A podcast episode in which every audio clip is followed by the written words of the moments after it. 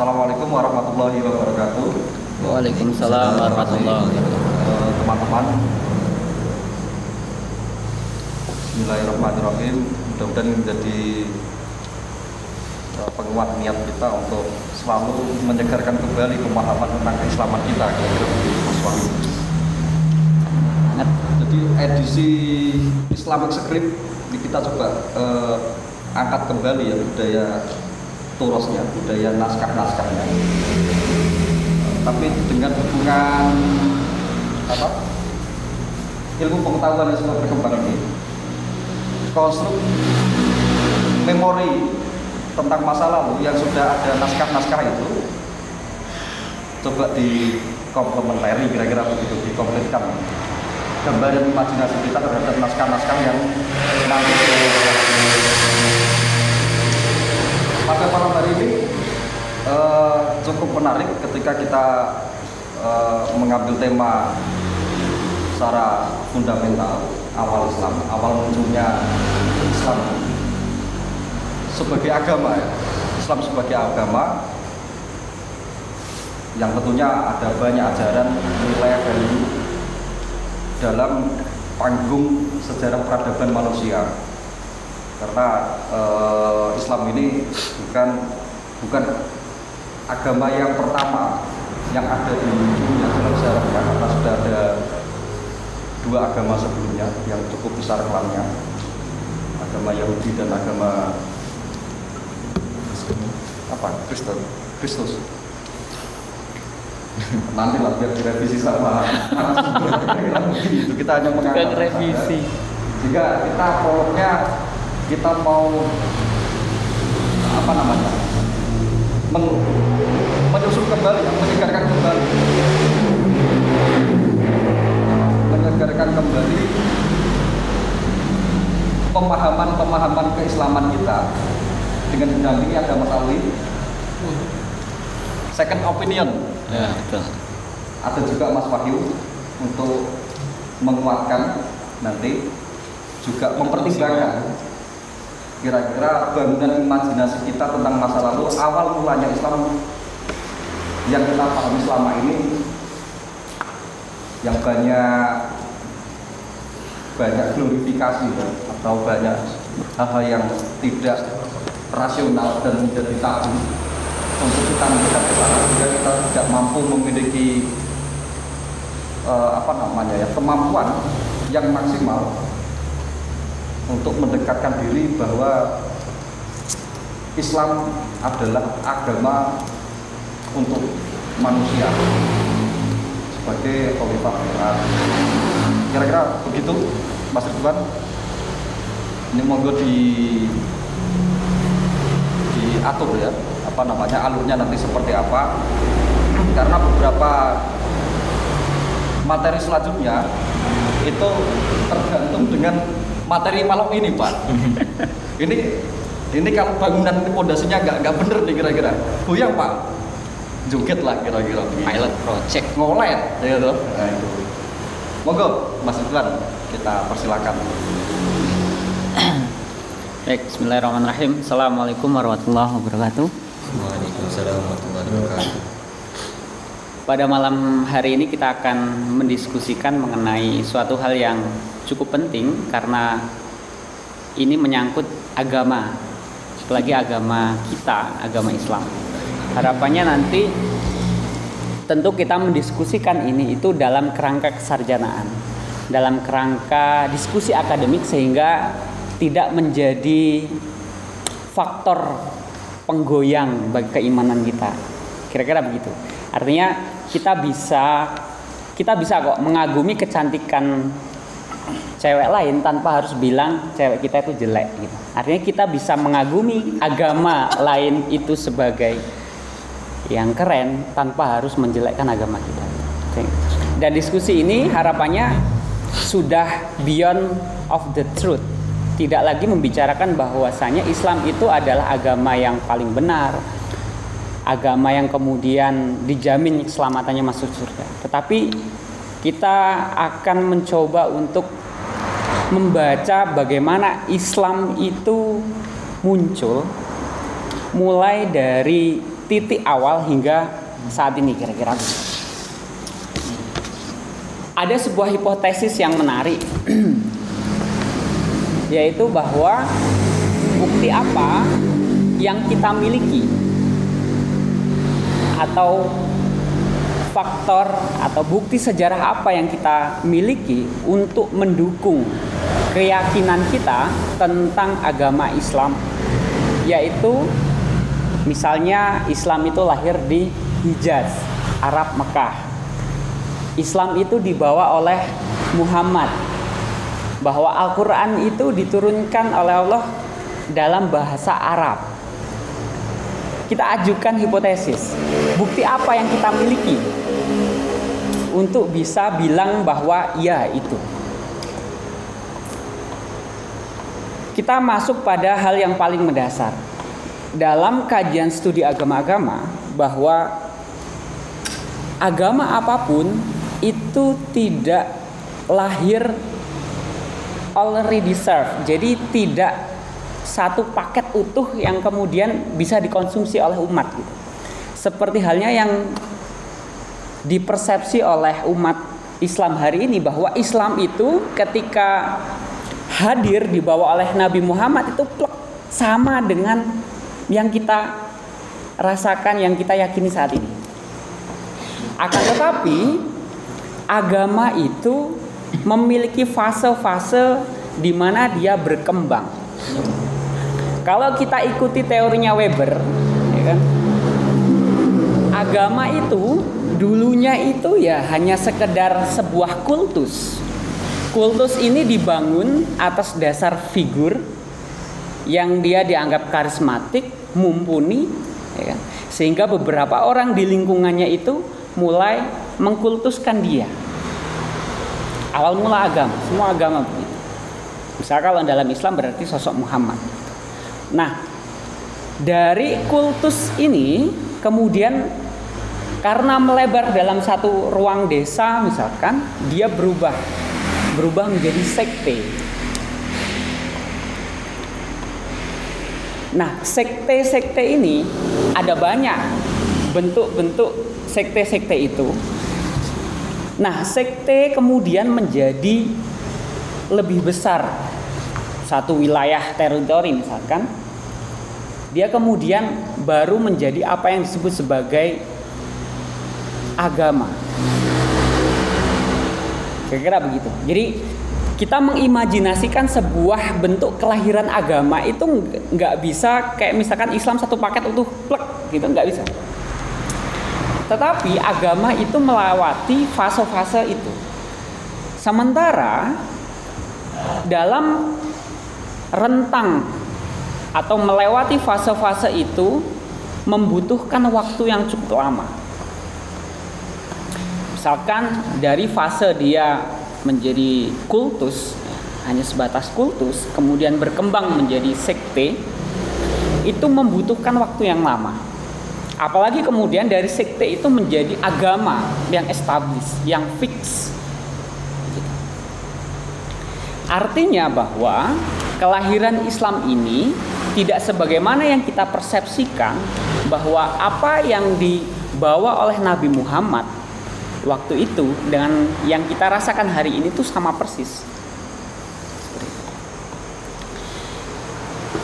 Nah, karena agama itu memiliki ataupun mengalami fase perkembangan itu, maka ada yang namanya penambahan, absorpsi, penyerapan dari tradisi ataupun unsur nilai-nilai keagamaan sebelumnya.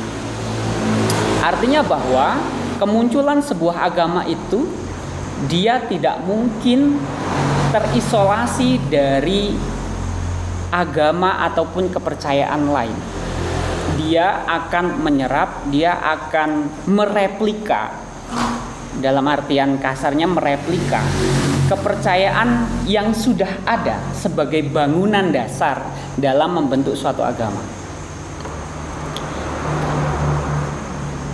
Nah, karena dia adalah salah satu bentuk kontinuitas dari tradisi keagamaan yang ada pada waktu itu, kita kemudian mengajukan suatu pertanyaan yang penting sangat-sangat penting. Sudahkah kita yakin bahwa apa yang dibicarakan dalam narasi tradisional kalau kita berbicara turut Islam hasanah keislaman yang dibicarakan dalam buku-buku sirah itu benar-benar akurat. Pertama, buku sirah yang bisa kita akses itu ditulis oleh Ibnu Ishaq. Tetapi yang sampai kepada kita itu adalah hasil suntingan Ibnu Hisham. Gitu kira-kira, ya. Bang Wahyu. Tahukah kamu bahwa Ibnu Ishaq, Ibnu Ishaq ini dia hidupnya kapan nulis sirohnya itu kapan? lebih dari 100 tahun pasca wafatnya Nabi. Dan suntingan karya Ibnu Ishaq itu yang dilakukan oleh Ibnu Hisam itu Ibnu Ishaq sama Ibnu Hisham itu nggak pernah ketemu mereka. Nggak pernah ketemu. Artinya sudah beda generasi. Generasinya jauh. Dan penulisan sirah nabawiyah yang paling awal itu ditulis pada masa kejayaan Abbasiyah dan itu merupakan request dari khalifah. Khalifah Abbasiyah maka kalau kita baca sirah Ibnu Ishaq itu di dalamnya banyak sekali pengagungan-pengagungan terhadap keluarga Ibnu Abbas. Ibnu Abbas ini mencoba untuk dipotret, di remark, ya kan, didesain menjadi sosok Muslim yang ideal. Padahal kalau kita baca sejarah Ibnu Abbas ini keluarga Ibnu Abbas ini kan orang-orang yang terakhir masih Islam kan. Bahkan dia ketika di perang Badar itu menjadi salah satu musuh yang paling apa di uh, membahayakan bahasanya begitu. Nah, artinya bahwa ada unsur politik masuk ke dalam uh, penulisan sirah itu. Itu satu unsur yang mempengaruhi uh, penulisan ataupun potret sirah. Kemudian yang kedua adalah bahwa Hasanah Islam, sirah-sirah nabawiyah itu yang kita baca hari ini itu merupakan hasil imajinasi. Kenapa imajinasi? Karena buku tersebut ditulis 100 tahun lebih misalkan Iqbal itu hidupnya 2020 berarti ditulis tahun 2100 bayangkan bagaimana meng mengkonstruksi seseorang yang dia hidup tuh 100 tahun yang lalu. Artinya apa yang kemudian ditulis dalam hasanah keilmuan Islam dalam sirah nabawiyah itu bukan sejarah yang sebenarnya. Bukan potret historis fakta yang memang dialami, tetapi adalah bayangan imajiner yang mengasumsikan itu adalah sejarah keselamatan. Story of salvation maksudnya begitu. Kenapa? Karena itu bukan begini kira-kira. Saya menulis biografi Muhammad itu bukan atas dasar saya mengetahui Muhammad dalam kehidupannya, tetapi adalah saya menulis Muhammad karena saya meyakini Muhammad sebagai nabi yang agung. Kira-kira hasilnya beda nggak?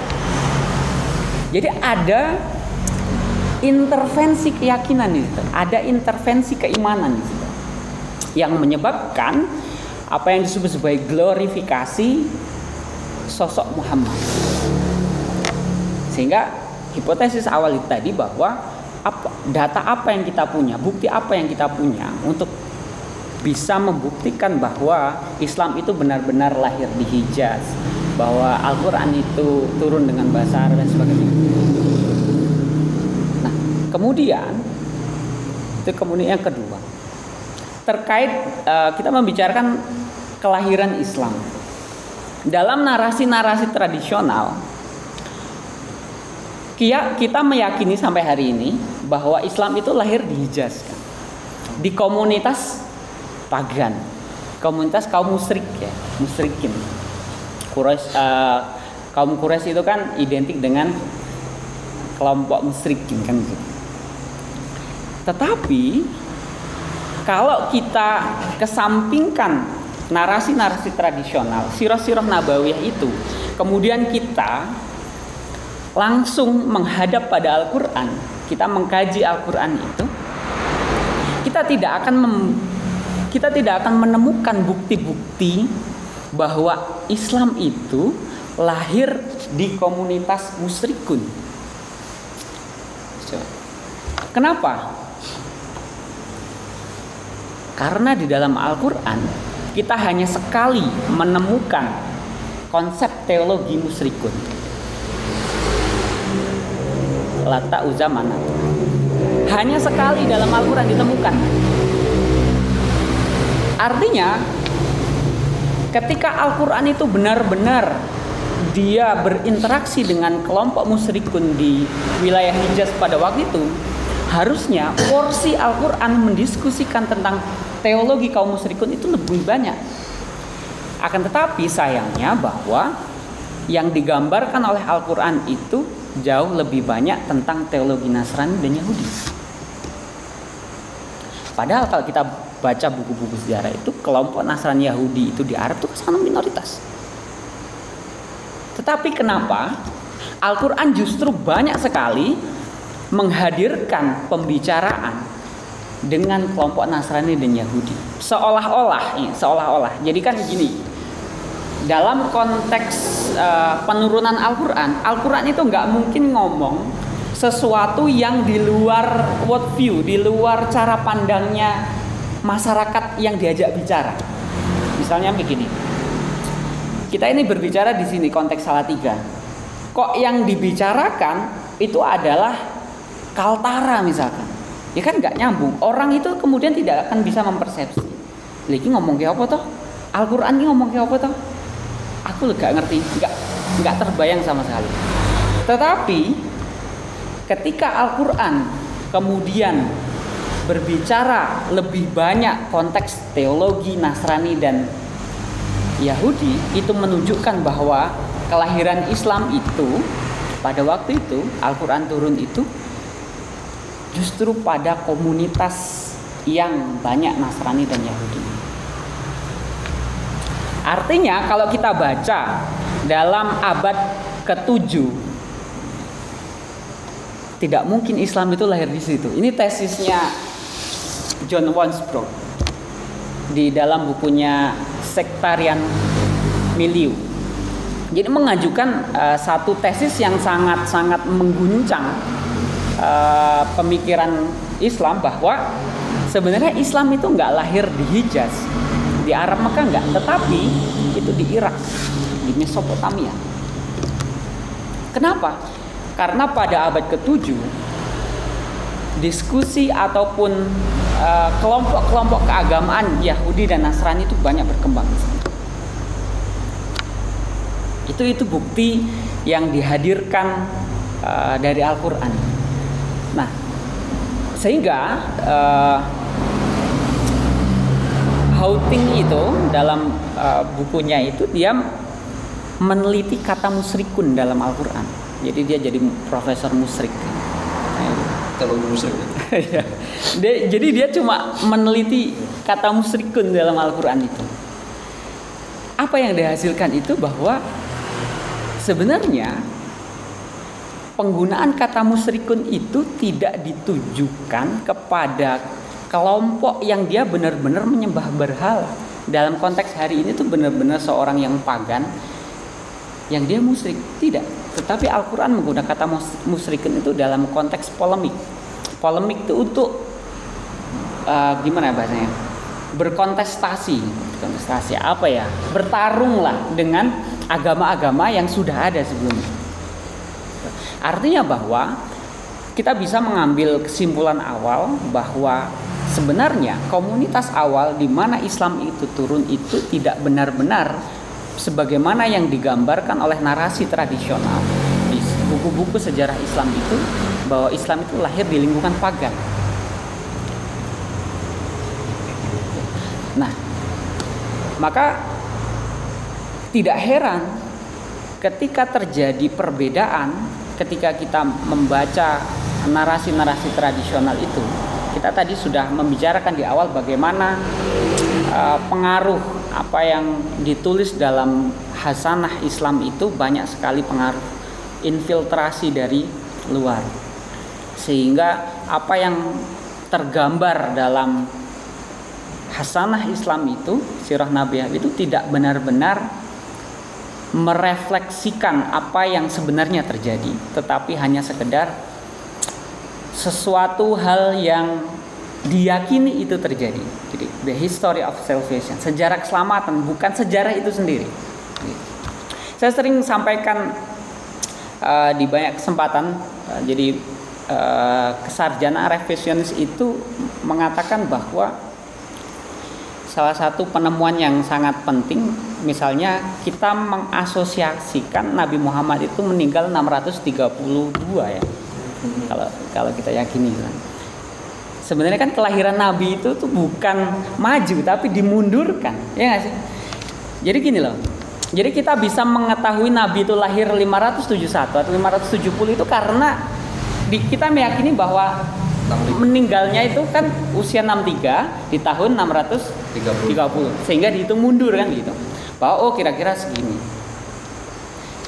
Jadi uh, itu gam, apa ya bukti yang atau metode yang dipakai oleh narasi tradisional dalam menggambarkan kelahiran Muhammad. Tetapi bahwa kalau kita lihat misalkan uh, temuan yang menarik bahwa di tahun 634 itu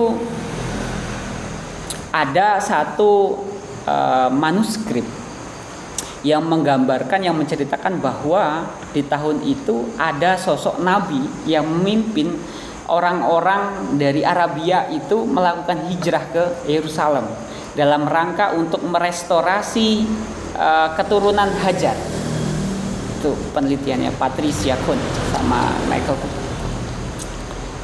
Nah kalau kita uh, apa ya afirmasi peneliti uh, hasil itu kesimpulan itu bahwa boleh jadi hanya selisih dua tahun kan? Tiga dua sampai tiga empat bahwa boleh jadi Nabi Muhammad itu dia tidak tidak meninggal 632 karena toh ketika kita baca-baca dari hazanah keislaman itu tidak tidak memiliki bukti yang kuat bahwa Nabi Muhammad itu uh, meninggal pada tahun itu.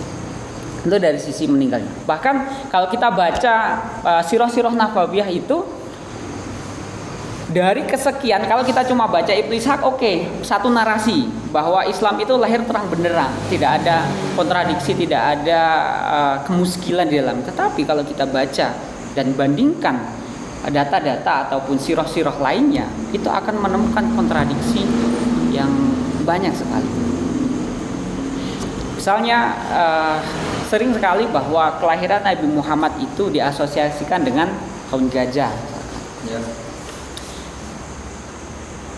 Bukti arkeologis itu menemukan di sumur di Yaman ya kalau itu bahwa penyerangan Abraha ke Ka'bah itu tidak terjadi 570 atau 571 tetapi jauh sebelumnya 20 sampai 50 tahun sebelumnya kenapa kemudian narasi Islam itu menggambarkan atau mengasosiasikan kelahiran Muhammad dengan penyerangan Abraha ke Mekah Ka'bah kita bisa logikakan bahwa untuk menjadikan seseorang yang agung untuk meng, uh, mengingat sesuatu peristiwa yang agung itu kan jauh lebih mudah. Artinya uh, apa ya? mengkorelasikan, menghubungkan ataupun menempelkan peristiwa agung dengan nabi yang agung itu akan membuat Nabi Muhammad lebih agung. Kira-kira begitu momennya pas momennya pas Nabi Muhammad itu kan sosok yang agung maka oh ya waktu itu ada penyerangan Ka'bah oleh tentara bergajah dan kemudian itu secara heroik dikalahkan oleh burung ababil itu kan ajaib itu dahsyat maka history of salvation, ingatan masyarakat yang menulis itu para ilmuwan uh, abad ke-2 ketiga Hijriah itu ya udah dalam artian bahasa kasarnya gitu. Boleh jadi Muhammad itu lahir tahun gajah. Diasosiasikanlah pada tahun gajah. Tapi kalau kita baca uh, data-data arkeologis itu tidak membuktikan bahwa ketika Abraha datang menyang Ka'bah sehari kemudian Nabi Muhammad lahir. Ya. Ataupun yang digambarkan di film itu ya, The, The Messenger of God gitu ya. Tidak tidak sedemikian seperti itu yang kita uh, kita pikirkan. Dan dalam konteks hari, kemudian tanggal itu pun banyak perdebatan di dalam uh, diskusi uh, ilmuwan Muslim sendiri. Sebenarnya Nabi Muhammad itu ada yang bilang lahir hari Senin, 12 Rabiul Awal, ada yang bilang 14 Rabiul Awal. Nah artinya terjadinya perbedaan-perbedaan seperti itu menunjukkan bahwa sebenarnya kita tidak memiliki bukti yang cukup untuk bilang bahwa Nabi Muhammad itu lahir sekian sama sekian. Nah, kemudian tentang pengangkatan Nabi Muhammad di usia 40 tahun. Itu juga erat sekali dengan history of salvation. 40 tahun itu kan usia yang memang common, umum ya, dipakai oleh uh, sebagian besar peradaban dunia untuk menunjukkan bahwa usia matang gitu. Usia yang memang benar-benar cocok ideal menjadikan sosok itu menjadi sosok yang berada pada puncak karir kehidupannya. Yesus itu juga 40 tahun. Uh, apa sih? Bahasanya apa ya kalau Yesus itu? Artinya memiliki kesamaan. Nah, boleh jadi itu ada satunya yang menyatakan bahwa boleh jadi asosiasi Nabi Muhammad mendapatkan wahyu pertama dan dia akan menjadi nabi dan rasul itu usia 40 tahun adalah hasil proyeksi ataupun studi karena dia pernah dengar Yesus karena interaksi uh, dengan agama lain itu usia 40 tahun. Maka mengasosiasikan Muhammad itu ya sudah 40 tahun. Itu kalau kita uh, kaitkan dengan uh, tradisi agama lain di tradisi kita pun usia 40 tahun itu juga sangat uh, apa ya usia sakral bahasanya kita gitu. Matang sekali. Sehingga bukti apa yang cukup gitu loh untuk uh, membuktikan bahwa Nabi Muhammad itu uh, menerima wahyu pertama usia 40 tahun. Seperti itu. Dan uh, apa kegelisahan-kegelisahan itu sampai sekarang masih didiskusikan dan tentu memiliki uh, implikasi dan perdebatan yang sangat pelik.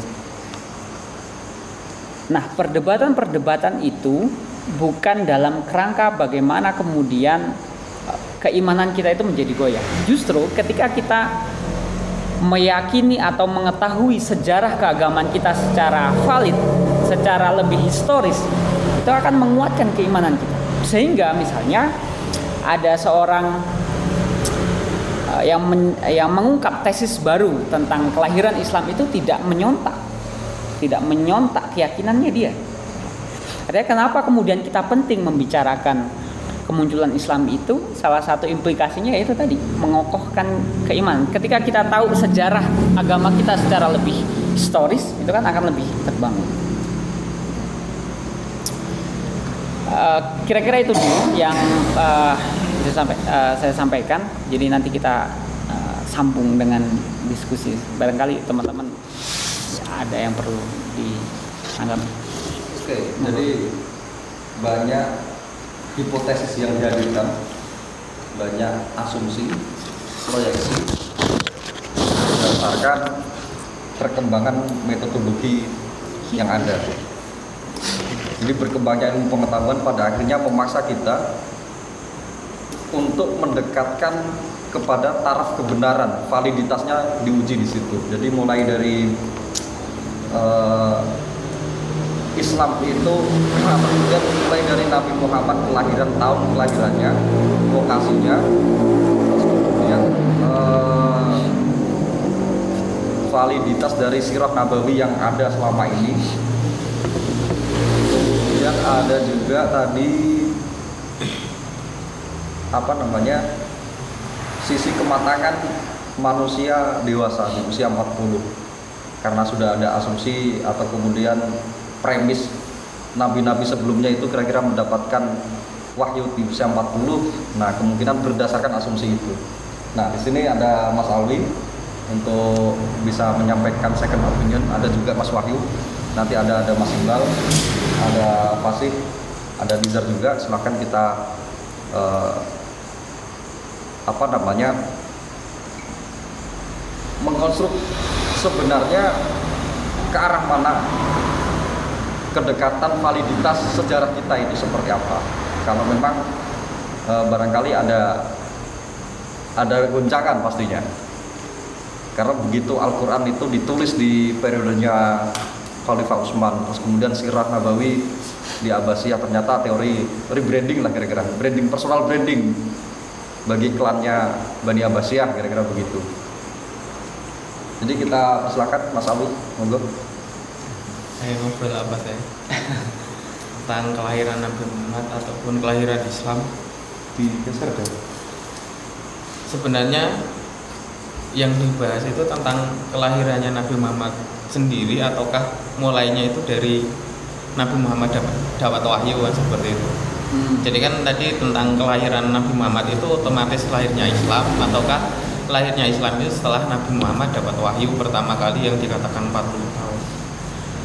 Kalau sepemahaman saya entah itu dari sarjana revisionis ataupun dari yang mana. Kalau dilihat tadi kan dikatakan seakan-akan nggak mungkin karena Nabi Muhammad itu lahir di lingkungan orang musyrik itu kan Nabi Muhammad memang lahir di lingkungan apa namanya kafilah-kafilah di situ ada suku Quraisy, Hudel, Hawazin, Sakif, Taif, Kinanah yang menjadi tujuh bahasa itu kan. Tapi kalau dilihat dari segi lingkungan musyrikin atau tidak karena memang pada saat itu setahu saya itu yang saat mempunyai hegemoni Nabi Muhammad lahir di tahun kisaran 600 itu kan bukan Mesopotamia mal, tapi pada saat itu setahu saya Romawi dan Persia. Kalau nggak salah pada Ya. saat itu Romawi dan Persia. Jadi ketika lahirnya pada zaman tersebut mungkin ya memang benar kaitannya sama Yahudi dan Nasrani dan itu dikaitkan sama Yahudi dan Nasrani ayat-ayatnya juga banyak tentang Yahudi dan Nasrani. Tapi di situ mungkin kan ketika anggapannya kafirun kafirun itu kan intinya Yahudi dan Nasrani pun juga ikut kafirun. Mungkin ketika digeneralisasi kan Yahudi Nasrani pagan pun juga kafirun. Karena dalam ayat Al-Quran pun juga seperti itu. Ya terlepas dari ayat Al-Quran seperti itu kan tentang keyakinan yang ada dalam Islam pun juga seperti itu. Jadi apakah orang memahami agama ataupun kebenaran itu atas dasar wahyu nabi ataupun akal kan yang jadi perdebatan kan biasanya seperti itu. Kalau atas wahyu nabi berarti kan orang yang nggak dapat wahyu Nabi Muhammad ataupun nggak dapat dakwah dari Nabi Muhammad, berarti dia nggak punya nggak punya salah entah itu Islam ataupun tidak Islam entah itu taat sama aturan-aturan agama ataupun tidak seperti. Kalau Islam diturunkan di Hijaz itu salah satunya kalau secara saintifik itu kan pernah saya dapat materi dari Pak Zaki itu kan. Kenapa diturunkan di daerah situ? Karena di situ letak dakwah yang sangat strategis. Ada di antara dua kerajaan Romawi dan Persia. Terus Islam diturunkan di padang tandus. Ketika turun di padang tandus berarti kan Islam akan mudah tersebar karena orang hidup di padang tandus itu kemungkinan cara mencari kehidupan nggak mungkin bertani. Mereka akan nomadik. Ketika nomadik berarti dia akan berdagang kan seperti itu.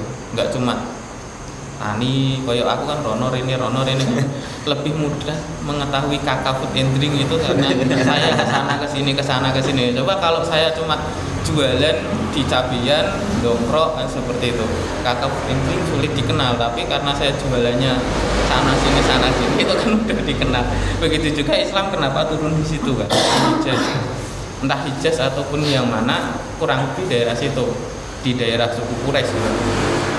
Salah satu alasannya pertama di antara dua kerajaan yang besar karena di situ sering dikunjungi orang-orang yang mungkin mata-mata dari dua kerajaan. Yang kedua karena tempatnya tandus. Ketika tempatnya tandus itu otomatis orang di situ akan lebih sering pergi ke sana kemari. Terus dia nggak akan menetap karena ketika menetap nggak mungkin dapat makanan akan ke sana kemari dan memperkenalkan Islam. Terus hidup di padang tandus ataupun di tanah yang keras itu kan mempunyai perwatakan keras seperti halnya yang dikatakan Mas Wahyu tadi kan teh mujin itu. Teh mujin itu kan berasal dari Mongol terus dikenal sama Timor Leste atau siapa? Cengis Khan ya. Teh mujin itu kan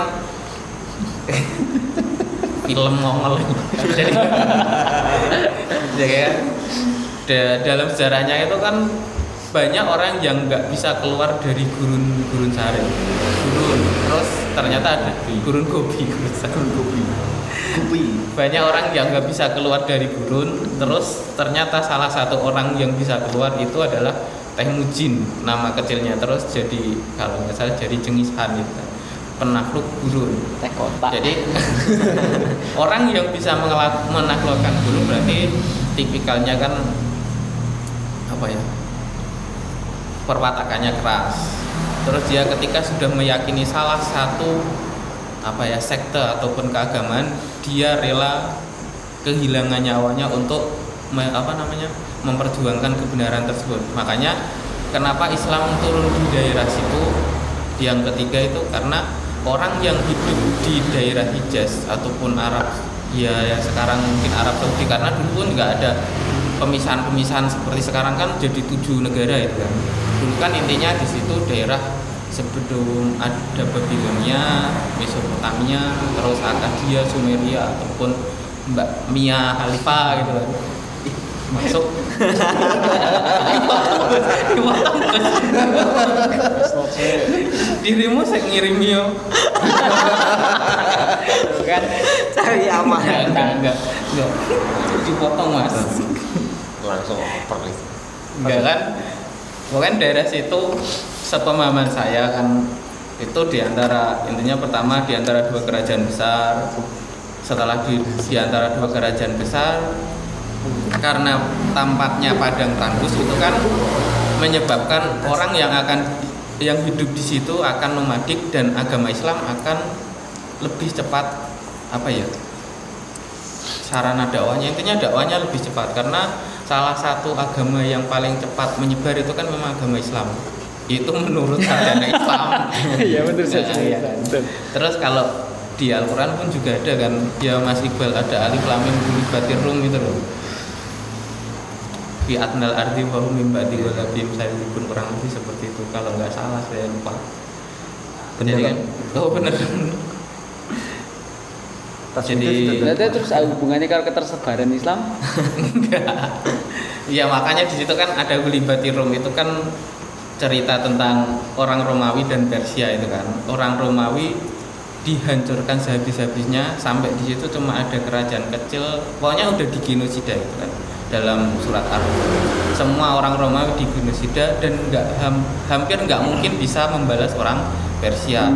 Tapi ternyata suatu saat itu bisa digulingkan orang Persia dalam ceritanya seperti itu fi adnal arti itu kan dalam ceritanya dalam tafsirnya kan di bumi paling bawah itu di daerah timur dekat eh timur dekat? Di daerah laut hitam itu kan jadi kalau di situ dalam bahasa Al-Qur'annya adna itu kan paling bawah. Cuma karena zaman dahulu orang-orang muslim nggak bisa mengartikan tempat paling dekat paling bawah di muka bumi itu mereka nggak bisa mengartikan. Karena intinya semua bumi itu kan sama kan datarannya. Ternyata adna itu kan diartikan tanah paling dekat bukan tanah paling bawah itu saat diteliti oleh para yang meneliti tanah apa? Ya, ahli tanah. Nanahologi ya. Memaksa. Tuan tanah. Takut. Geolog ngomong. Arkeolog. Kok arkeolog bukan tapi eh, tapi yang menarik gini kenapa Nabi Muhammad itu cuma disebutkan empat kali dalam Al-Quran dan bahkan penyebutan Al-Quran Muhammad itu sebagai proper name bukan sebagai seseorang tetapi sebagai sebuah kata ganti sifat pujian Iya, pujian. Sementara kalau kita compare ya, kita bandingkan dengan nabi-nabi lain, Musa itu sekitar 60 sampai 70 kali. Isa Ibrahim itu juga sekitar 60. Bah- bahkan ya kan bahkan dengan eh, nabi ataupun sosok-sosok yang less populer lah kurang-kurang populer itu mau jauh masih lebih banyak. Misalkan kisahnya siapa itu ayah siapa itu? Lukman. Lukman. Nah, artinya kenapa kemudian ketika emang benar bahwa Al-Quran itu diturunkan kepada Nabi Muhammad, kenapa Al-Quran justru sangat jarang sekali atau bahkan tidak memanggil Muhammad itu sebagai seorang in person, tetapi hanya sekedar pujian atau proper name aja. Dan itu cuma empat kali gitu, jumlah yang sangat sedikit sekali gitu. Ini kan apa ya, eh, membangkitkan curiosity-nya kalau kata Bang Wahyu. Gimana paman? Bebas. tahu saya ketika eh, anakku itu baru seneng eh, pak itu agamanya apa Hmm. Kristen itu Katolik kalau itu temanku yang Buddha kayak ini nah, kalau yang kalau yang kalau yang Islam itu berarti nggak boleh digambar ya? Iya nggak boleh. Minimal itu anak kecil. Nah, eh, apa ya? Ya sebagian besar lah. Sebagian besar saya sepakat yang disampaikan ini. Artinya persoalan ini adalah persoalan historis. Artinya eh, sesuatu yang terlihat sesuatu yang bisa di diverifikasi kebenarannya. Bisa dikritik kebenarannya. Eh, memang jangankan Abbasiyah ya Umayyah kan juga begitu. Eh, penyifatan bahwa lupa saya jadi ada ada beberapa kisah juga bahwa khalifah ini saya nggak tahu. Tapi ini narasinya ada. Oh, saya lupa ini dari siapa. Khalifah itu lebih tinggi daripada nabi. Saking dimuliakannya Eh, itu era kalau kalau tidak salah sih era-era Umayyah. Jadi sudah ada ya kelihatannya Umayyah. Jadi apa namanya? Eh, apakah kemudian ini sebagai sebuah pengkultusan atau dan lain sebagainya bagi saya bukan mengarah ke kultusan atau enggak ya. tetapi karena memang eh, kepentingan eh, apa namanya penegasan kepada sebuah kepemimpinan politik itu penting gitu. Karena kan apa pun ya makanya mak nah, tesis mak kan nggak nggak salah bahwa sejarah itu bergantung kepada siapa yang menang Ya, artinya bahwa siapa yang menang ma- maka mereka akan mengkonstruksi semuanya gitu. Tetapi itu kan tidak bukan bukan harga mati gitu. Bahwa sejarah itu akan ditulis oleh siapa yang menang dikonstruksi dan akhirnya mempengaruhi mempengaruhi atau dipengaruhi lah. Artinya paradigmanya kan nanti seperti itu. Orang akan berkeyakinan bahwa ya seperti yang disampaikan tadi bahwa 40 tahun diangkat menjadi nabi dan lain sebagainya terus kemudian ya banyaklah hal-hal yang kemudian dilukiskan di situ. Nah tentang masalahnya kan bahwa pertama bahwa sejarah itu bukan harga mati dan kita ada kritisisme sejarah di situ. Artinya eh, ini ada hal contoh misalkan begini. Yang ya ketika misalkan begini lah kalau kemudian ya nanti mungkin Mas Rino bisa menjelaskan tadi kenapa kemudian komunitas kalau lebih banyak disinggung komunitas Islam e, berinteraksi dengan umat Yahudi atau Nasrani. Bahkan ketika kita pengen misalkan begini pengen me, mengetahui misalkan tentang sejarah para nabi kenapa nabi hanya juga 25 nabi dan rasul misalnya. Kan jumlahnya banyak sekali. Ada 124 ribu sekian taruhlah begitu. Nah cuman ketika misalkan yang pertama ketika kita pengen tahu sejarah kalau kita menggunakan tadi ya bahwa Islam oh, adanya agama adanya suatu agama itu pasti mau tidak mau dia akan terpengaruh oleh interaksi dalam tanda kutip ya. Baik itu interaksionisme simbolik atau apa pun lah Ya. dia akan masuk tersap dan dia pasti akan yang membedakan nanti kalau saya sih ini identitas ya. Identitas. Identitas ini bisa dalam dalam kacamata politik atau dalam kacamata sosiologis macam-macam. Nah tetapi untuk menelisik akar jauh sana tentu kita nggak bisa meninggalkan literatur atau scripter scripter lah atau apa bahasanya eh, manuskrip pendahulu dari kita gitu. baik itu dari umat Yahudi bicara tentang apa kemudian eh, kekristenan dan dunia Kristiani seperti apa karena kan begini yang menjadi persoalan kita kan akhirnya ya pembicaraan kesarjanaan itu kan mencoba untuk bagaimana meminimalisir sedemikian rupa supaya apologi agama itu memang apa ya suatu pembicaraan yang primitif kalau saya. Karena kan terjadi di abad ke-11 sampai abad ke-13 kan abad apologi terjadi yang tentang tapi paradigma ini kan semakin lama semakin berubah. Maka eh, para sarjana muslim baik di barat maupun di di di Islam kita sendiri ya mencoba untuk menggali data-data ini dengan sedemikian rupa. Intinya kan begitu. Maksudnya poin saya begitu akhirnya ada korelasi di situ bahwa ya sebenarnya saya sepakat ya bahwa eh, misalkan kayak Geiger, Abraham Geiger ya oh, Islam ini apa ya ini nyontek nih dari ya dari tradisi Yahudi gitu. dari peminjaman Kalau saya katakan, kalau saya katakan, oke mungkin bahasa, mungkin bahasa, bahasa apa ya, bahasa vulgarnya nyontek ya. Cuman yang pertama saya katakan suatu kewajaran, gitu. karena memang baik Philip Kahiti ataupun para sejarawan yang lain mengatakan bahwa dari sisi bahasa pun kita adalah bahasa rumpun. Gitu. Ya Taruhlah misalkan kita katakan misalkan Upin Ipin mau bicara apa pun nggak pakai translate pun tapi beberapa kalimat atau kata Upin Ipin yang ucapkan pasti kita tahu gitu karena yang namanya satu rumpun bahasa. Satu rumpun bahasa satu rumpun budaya. Misalkan begitu. Nah artinya eh, pendekatan yang lebih kompleks ya. Terutama dalam eh, sisi historiografi itu memang bagi saya memang penting nah letak kemudian saya sementara itu sih karena kan ini akan berkembang ke mana-kemana gitu.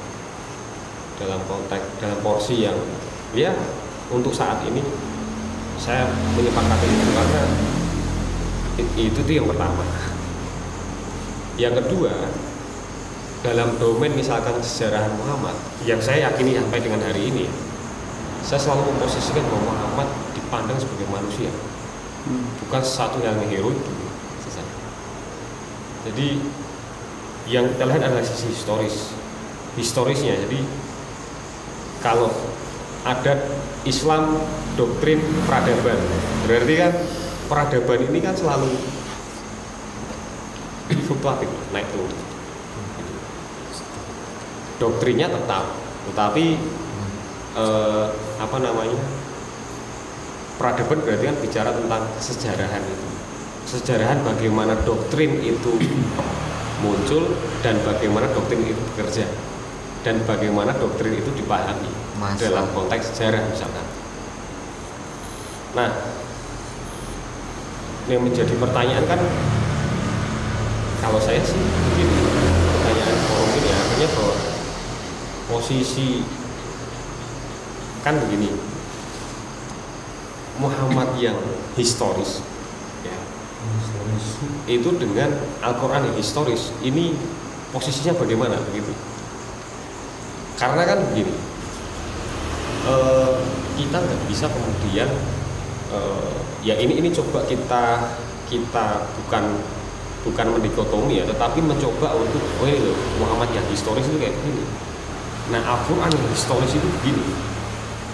Nah apa kemudian korelasi atau misalkan hubungan di antara keduanya sehingga e, menjadi satu domain keyakinan lah di kita? Dan akhirnya menjadi sering disebut bahwa Al-Quran itu ya ya apa namanya menjadi sumber sejarah atau inspirasi sejarah dan lain sebagainya. Nah kalau ya kalau saya gitu. Kan kalau meminjam istilah geger kan begitu.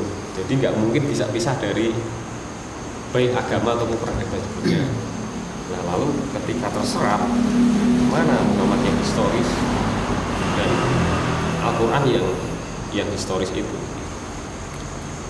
Kalau dalam dunia Kristiani kan ada Yesus yang Yesus Christ yang historis. Nah, kalau kita memandang dari Ini sesuai persepsi. eh? Iya, kan, kan tadi kan sesuai yang dia beda-beda. Sesuai yang dia Enggak, maksudnya kan ada tuh mas. Jadi kan ya kegelisahan itu apakah bisa terselesaikan ataupun tidak itu kan sesuai persepsi kalau menurut saya sesuai persepsi masalahnya kayak Ibnu Isham sama Ibnu Ishaq itu kan mereka akan membuat sejarahnya Nabi Muhammad mungkin sesuai apa ya sesuai keinginan mereka ketika orang Abbasiyah itu kan. Orang Abbasiyah menggambarkan Nabi Muhammad berarti kan kaitannya apa dinasti Abbasiyah sama keturunannya Nabi Muhammad kan. Walaupun sebenarnya Abu Abbas Asafah itu pembunuh ya kan? Asafah nama nama julukan Asafah itu karena Jagal. sering membunuh orang kan.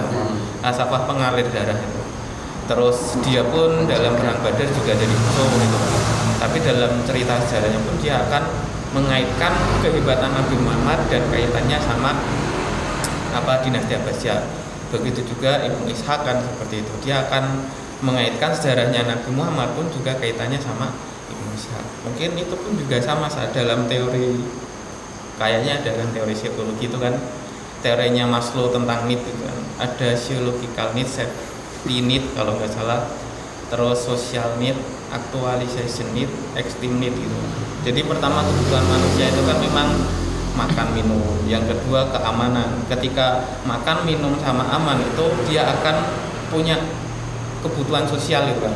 Pengen kontribusi sama orang lain setelah berkontribusi itu kan kita pengen diakui. Begitu juga dalam kita mungkin membuat sejarahnya Nabi Muhammad juga kontribusi sama agama Islam. Tapi ketika kita mungkin mengkrit tentang sejarah Nabi Muhammad, saya kira Nabi Muhammad itu dulunya pakaiannya hijau hitam, mungkin seperti itu. Ya akhirnya kan nanti, akhirnya kan nanti gimana caranya orang itu memandang organisasi kita itu representatif terhadap Nabi Kenabian. Muhammad cara berpikirnya kan seperti itu. Prophetic ya, toh? seperti itu kan. Jadi dalam kegelisahannya itu kan nanti akhirnya ya perspektif ya perspektif siapa yang akan menggambarkan ya sesuai lingkungan yang membentuk dia kebutuhannya dia itu apakah semuanya saya berdagang gitu kan aku akan menggambarkan Nabi Muhammad itu adalah couple planner sama Siti Khotijah seperti itu. Kehidupannya seperti itu. Saya akan gambarkan oh Nabi Muhammad jadi dari kecil itu Nabi Muhammad angon lebar angon dodolan kan. Awi, Al, Awi, Ali. pas tapi menjadi mentah dengan teorinya Alwi kalau Nabi Muhammad dengan Khadijah adalah couple planner ya. susah diikuti olehnya harus couple dulu pak kan digambarkan seperti itu kan kayak Islam, Islam, Islam. Iya, menarik menyambung Bang Alu tadi.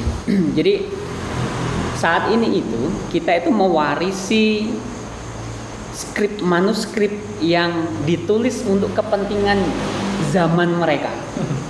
Kenapa kemudian terjadi glorifikasi dalam uh, Sirah Nabawiyah? Karena Sirah Nabawiyah itu ditulis dalam rangka pertarungan agama-agama besar pada waktu itu. Yahudi, Kristen, Nasrani, Islam ini masih timid-timid, kecil kan, masih kecil dia. Agama Semitik ya. Nah, bagaimana kemudian Islam ini bisa bertarung dengan Yahudi dan Nasrani ini? Maka para penulis sirah itu kemudian menggunakan cara-cara glorifikasi untuk mengangkat atau menjadikan Muhammad ini menjadi sosok yang sangat agung. Minimal dia sebanding dengan Musa sama Yesus. Sehingga posisinya setara Sama-sama Nabi ya. Keagungannya sama-sama Nabi iya keagungannya sama. Artinya dalam proses penulisan sirah itu kemudian Nabi Muhammad kayak misalkan ketika usia berapa dibelah dadanya diambil ibunya. Kemudian Nabi Muhammad itu ketika jalan ditutupi sama awan. Itu kan bentuk-bentuk pengagungan glorifikasi. Untuk apa? Untuk menjadi pesaing. Pesaing figur-figur agama lain Nah, sayangnya hari ini itu kita mewarisi itu dan membaca itu secara tidak kritis dan kita menerima itu secara taken for granted. Kita menerima itu apa adanya. Padahal mereka menulis itu untuk kepentingannya waktu itu. Untuk apa? Untuk menjadi tandingan agama-agama waktu itu. Karena apa? Islam waktu itu kan masih kecil supaya dia bisa ikut berkompetisi global bahasanya begitu maka sosok Muhammadnya harus diglorifikasikan diagungkan sedemikian rupa. Nah itulah kira-kira uh, bagaimana kemudian narasi sirah itu terkonstruksi pada waktu itu. Maka kemudian bagaimana kemudian uh, umat Islam hari ini harusnya mampu mengkonstruksi sirahnya sendiri demi kepentingannya zamannya sendiri yaitu apa? Muhammad yang historis, Muhammad yang manusiawi. Karena hari ini kita tidak membutuhkan suatu persepsi yang sifatnya mistik, beyond reason, uh, reason kayak gitu. Tetapi yang realnya seperti apa sih? Muhammad yang kita kagumi itu seperti apa? Manusianya seperti apa? Kalau dulu oke, okay, karena dulu kan uh, apa ya terjadi kontestasi. Hari ini kan sudah enggak. Saya ingin sampai uh, satu lagi yang ingin saya sampaikan bahwa Islam itu dulu itu bersifat ekumenis, ekumenikal. Artinya apa? Islam itu belum sangat-sangat distintif kayak sekarang. Kalau sekarang aku Muslim, kamu Kristiani kan bedanya jaraknya jauh banget. Kalau dulu Islam itu ketika uh, baru tumbuh itu, selain gini ya, agama itu kayak anak kecil, lahir, ya kan, jadi bayi, berangkat, berdiri jalan lari terus kemudian baru bisa main bola terus jadi superstar dunia. Kira-kira begitu. Jadi jangan mengasumsikan Islam tuh ketika langsung lahir jadi Cristiano Ronaldo enggak gitu jadi Islam tuh lahir ya jadi bayi dulu jalan kaki seperti itu. Jadi step by step. Nah yang ingin saya sampaikan adalah bahwa ketika Islam itu baru lahir itu sebenarnya itu belum disebut Islam. Gak ada agama Islam waktu itu. Itu tadi kita kalau uh, pinjam teorinya Weber masih menjadi satu bentuk sekte yang itu tidak bernama. Kenapa? Karena kalau sekte kan hanya dibutuhkan figur dan beberapa identitas sedikit. Tetapi kemudian kalau udah menjadi entitas keagamaan dia membutuhkan seperangkat yeah. yang lebih kompleks agar apa membedakan dengan entitas keagamaan lain yang sudah ada. Lahirnya itu mulai Nabi Muhammad dapat wahyu. Nah, begini, Islam itu belum dikenal sejak Nabi Muhammad lahir, Nabi Muhammad dapat wahyu, Nabi Muhammad meninggal, Khulafaur Rasidin dan seterusnya. Nggak ada Islam itu di situ agama Islam nggak ada. Kalau kita baca Al-Quran, kata-kata Islam nggak ada yang dalam kaitan menunjuk seseorang atau komunitas. Yang ada adalah kelompok orang beriman. Justru kata-kata Islam ataupun Muslim itu juga diasosiasikan kepada nabi-nabi sebelum Muhammad. Nabi uh, siapa yang ganteng itu Yusuf. Ya Allah matikanlah aku dalam keadaan Muslim. Terus kemudian uh, Nabi Nuh juga bahwa aku adalah seorang yang Muslim. Uh, apa namanya beberapa nabi-nabi sebelumnya itu di Al-Quran sendiri yang bilang bahwa mereka adalah Muslim. Terus yang disebut Islam ini kalau kita kemudian mengasosiasikan bahwa agama Islam adalah seseorang yang mengikuti ajaran Muhammad, nggak make sense. It doesn't make sense at all kayak gitu. Masa Nabi Yusuf pengikut Nabi Muhammad? Oh iya karena Nur Muhammad itu beda lagi. Selesai itu. Tapi karena ada- Nabi Muhammad di itu ada apa? Islam sebagai agama ada. Yang mana? Inna dina idallahil Islam.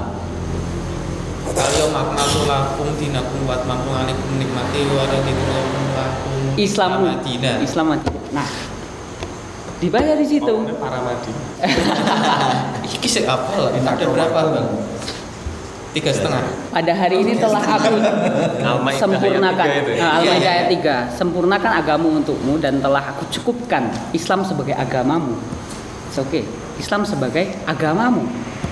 Tetapi di situ Islam di situ apakah merujuk pada komunitas? Ada nggak? Wahai orang-orang Islam. Oh, Beriman. Nggak ada.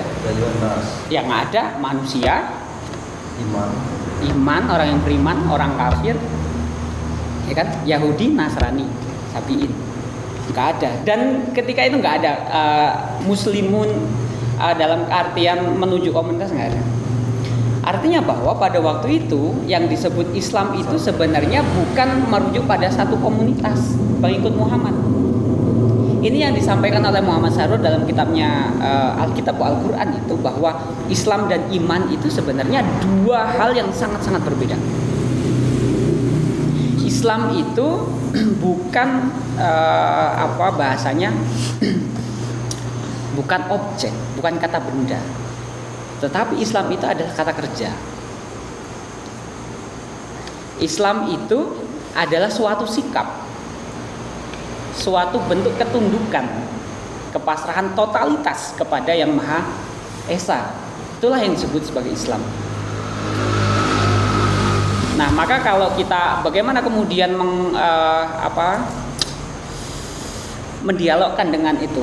Apa itu yang Al Imran ayat 17 ya. Inna dina indallahil Islam. Sesungguhnya agama yang diridhoi itu ada hanyalah Islam. Di situ sebenarnya yang disebut sebagai agama adalah jalan tunduk patuh hanya kepada Allah. Kita memahaminya harus begitu karena Islam di situ bukan suatu entitas. Nah, maka kemudian sejak kapan istilah Islam itu hadir? Bukti lain menunjukkan begini, nggak ada sebenarnya kan nggak ada eh, Abu Bakar, Umar, terus kemudian Utsman Ali dan beberapa khalifah itu disebut sebagai Amirul Muslimin. Ada literatur yang bilang kayak gitu? Gak ada. Yang ada Amirul Mukminin. Kenapa gitu? Ya kan? Gak mungkin tiba-tiba uang nggak pakai Amirul Mukminin kok ning kono ana komunitas muslim yang dipimpin sapa? Gitu. Artinya pada waktu itu komunitas yang mengikuti Muhammad itu adalah kelompok kaum beriman. Kalau kata Sahrul itu bahwa iman ya yang disebut sebagai ya ayyuhalladzina amanu adalah komunitas yang mengikuti ajaran Nabi Muhammad meyakini Allah dan juga hari akhir itulah yang disebut sebagai orang-orang yang beriman. Distingsinya apa? Dia mengikuti ajaran Nabi Muhammad. Sementara kalau Islam itu dia cuma syaratnya itu adalah beriman kepada Allah, hari akhir dan beramal soleh. Sehingga nabi-nabi sebelumnya itu juga sebagai seorang muslim. Letak distingsinya di mana? Cuma mengikuti ajaran Nabi Muhammad. Sehingga Sahrur itu membuat satu terobosan yang sangat luar biasa. Kita selama ini itu salah kaprah dalam memahami rukun iman rukun Islam. Ternyata kebalik.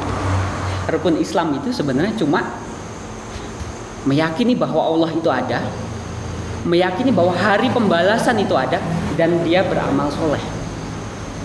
Itu rukun. Sementara kalau rukun iman itu ya perintah Muhammad apa? Syahadat. Kemudian Muhammad memerintahkan sholat, zakat, puasa, haji.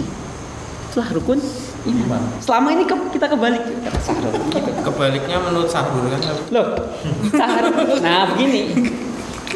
Artinya bahwa Sahrul itu melakukan kajian di dalam Al-Qur'an. Nah, itu ada Al-Qur'an.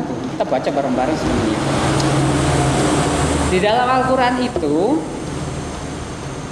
kata-kata iman itu selalu diasosiasikan dengan ajaran Nabi Muhammad dan komunitas di mana Muhammad itu tinggal. Sementara kalau Muslim atau Islam itu secara universal. Yang salah di mana? Para fakih kita yang merumuskan rukun Islam, rukun iman. gitu ya. menurut. Ya. Tapi kalau ya taruhlah kayak misalkan karena kan begini. Contoh misalkan kayak saya apakah ini hadis ya? Mahwal Islam. Ya, Islam itu percaya apa? Rukun Islam itu ada lima, rukun iman itu ada lima. Itu hadis apa? Karena ini kan keyakinan yang kemudian menjadi umum diyakini oleh oleh kita ya, terutama ahlu sunnah wal jamaah. Tetapi kalau Syiah beda Kan lagi. dia apa Muhammadiyah? Betul, betul. Artinya betul. kalau Syiah kan beda lagi, usul khamsah. Mu'tazilah beda lagi. Beda lagi. Asmaul Khamsah Mas. Usul. Asmaul Khamsah. Eh, apa namanya? Kalau Syiah itu kan usuluddin yang pertama. Kemudian eh, kenabian, Hmm, kemudian imamah, ya. keadilan, Keadilan. kemudian eh, yang terakhir adalah Syura atau bukan nggak Syiah apa? hari akhir atau kalau enggak iya hari akhir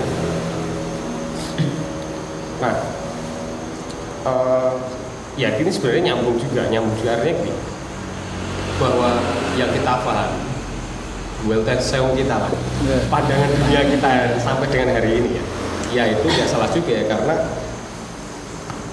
eh, ya mungkin adanya itu ada satu otoritarianisme tertentu ya dalam paradigma melalui sistem. Melalui sistem pendidikan.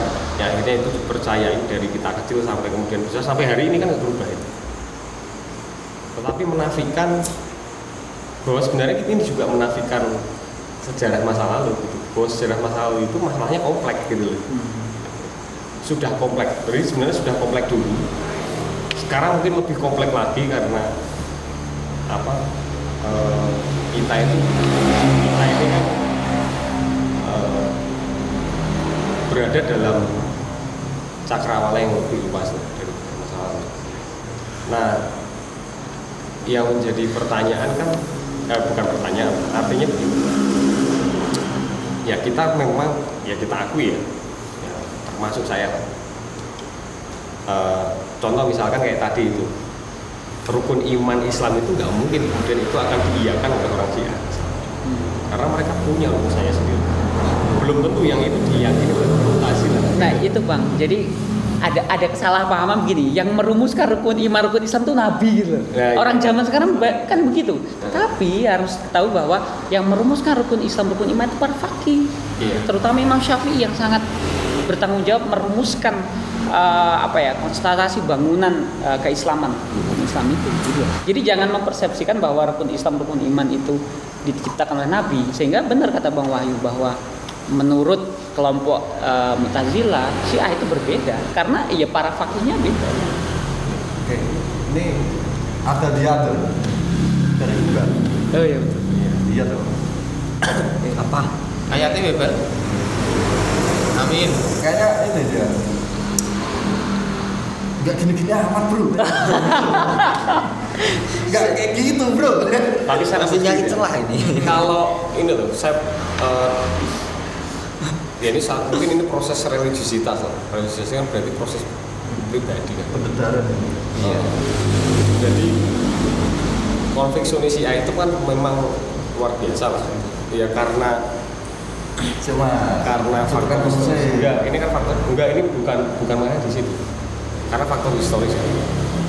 nah cuman kan ada kemudian kalau misalkan itu ya eh, apa namanya perbedaan ini karena ya memang iya pertama di situ. Lalu kemudian ada hal yang substantif dari itu gitu. sehingga kemudian beberapa misalkan oh ya ada yang lebih inti dari itu.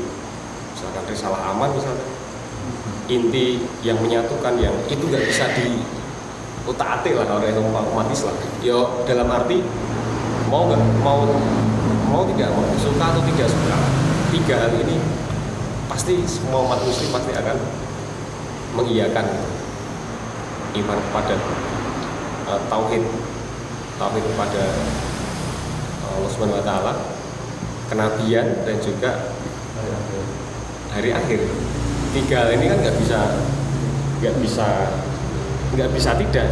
Ini akan memiliki turunan dan ya konsekuensi. Nah berarti kan ya ini karena ini kan rumusan yang yang belum belum tentu juga diamini oleh umat muslim. Toh pada akhirnya secara sosial juga masih menimbulkan polemik polemik oleh internal kita sendiri.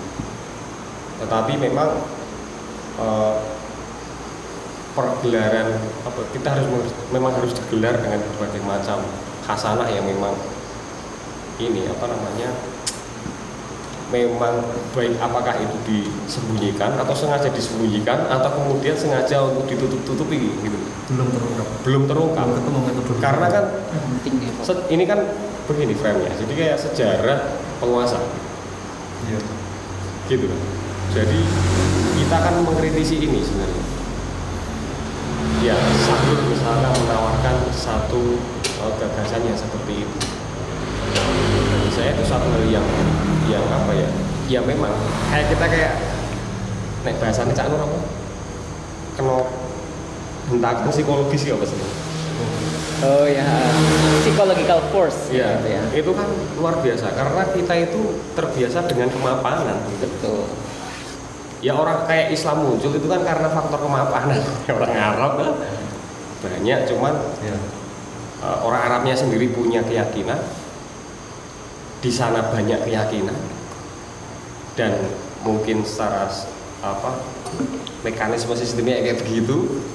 Islam lahir dengan misalkan Islam muncul dengan eh, ya gebrakan kayak begitulah akhirnya kan terbata-bata atau kemudian menentang lah istilahnya begitu satu hal yang yang berat nah ketika Islam menjadi terlembaga misalkan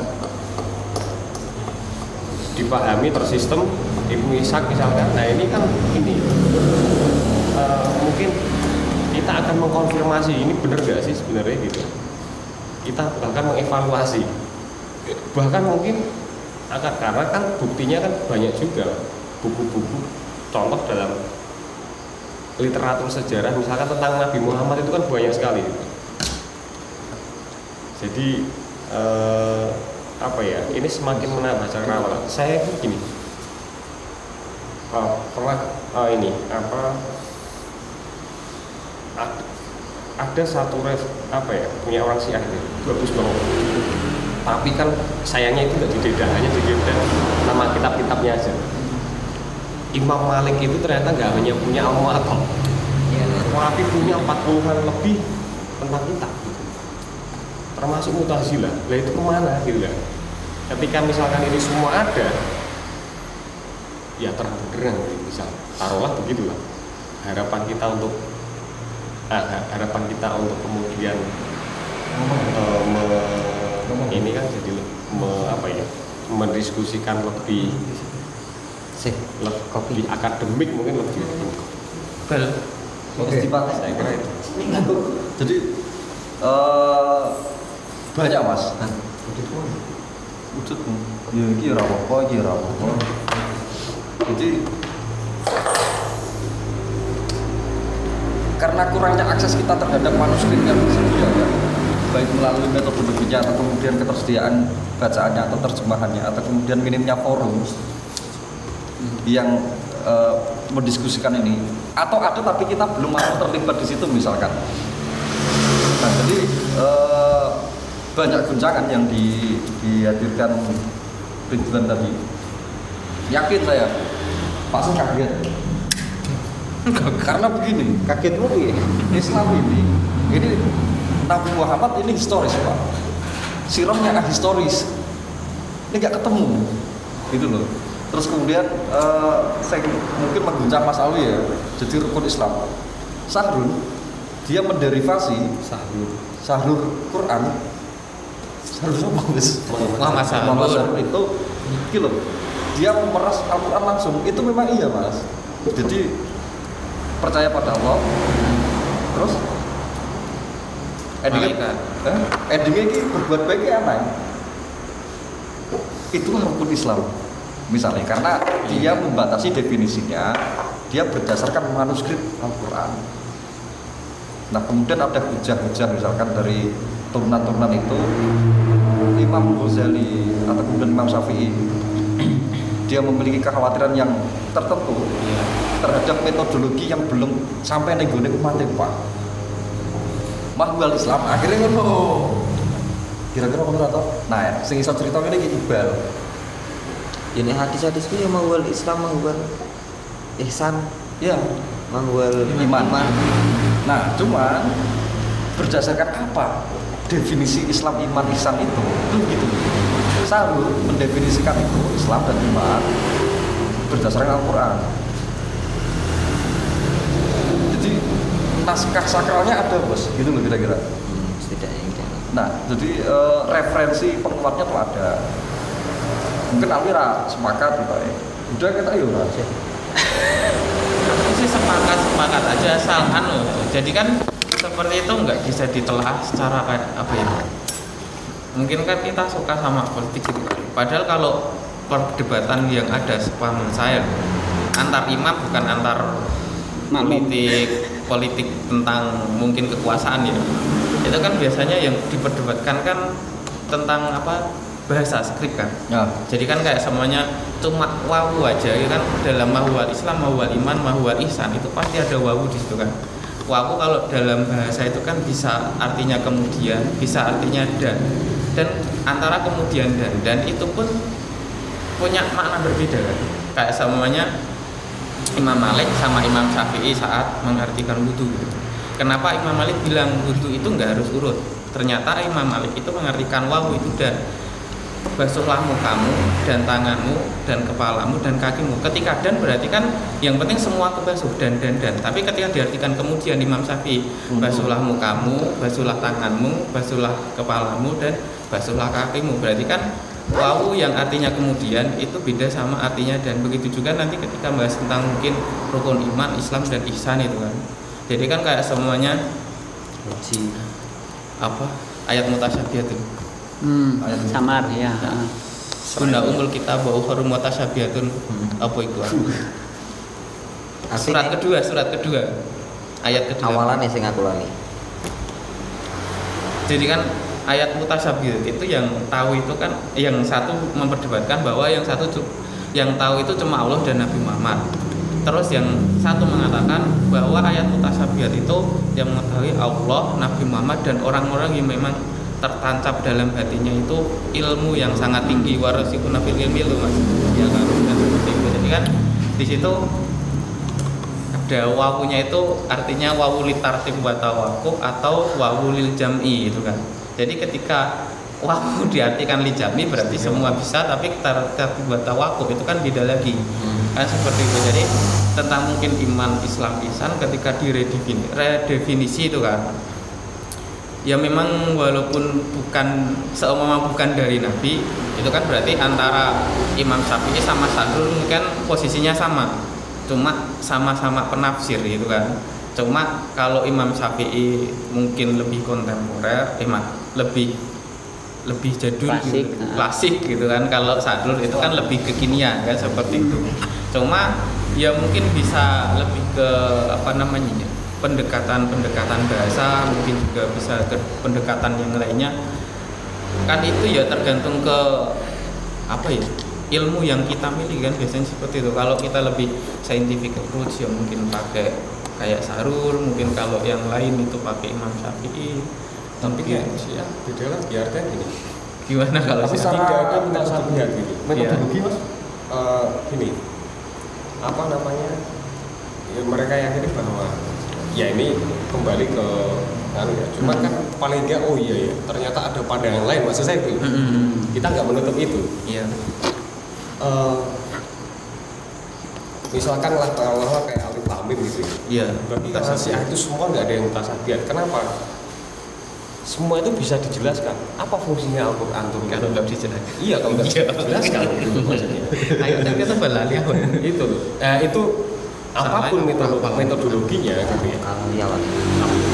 Eh, bagi bagi apa eh, mungkin saudara kita kaum muslim sih pasti ya mereka akan mengatakan itu ya terlepas eh, terlepas apakah kemudian kita mungkin kita akan bisa membaca lebih lanjut ya tentang tafsir al ya.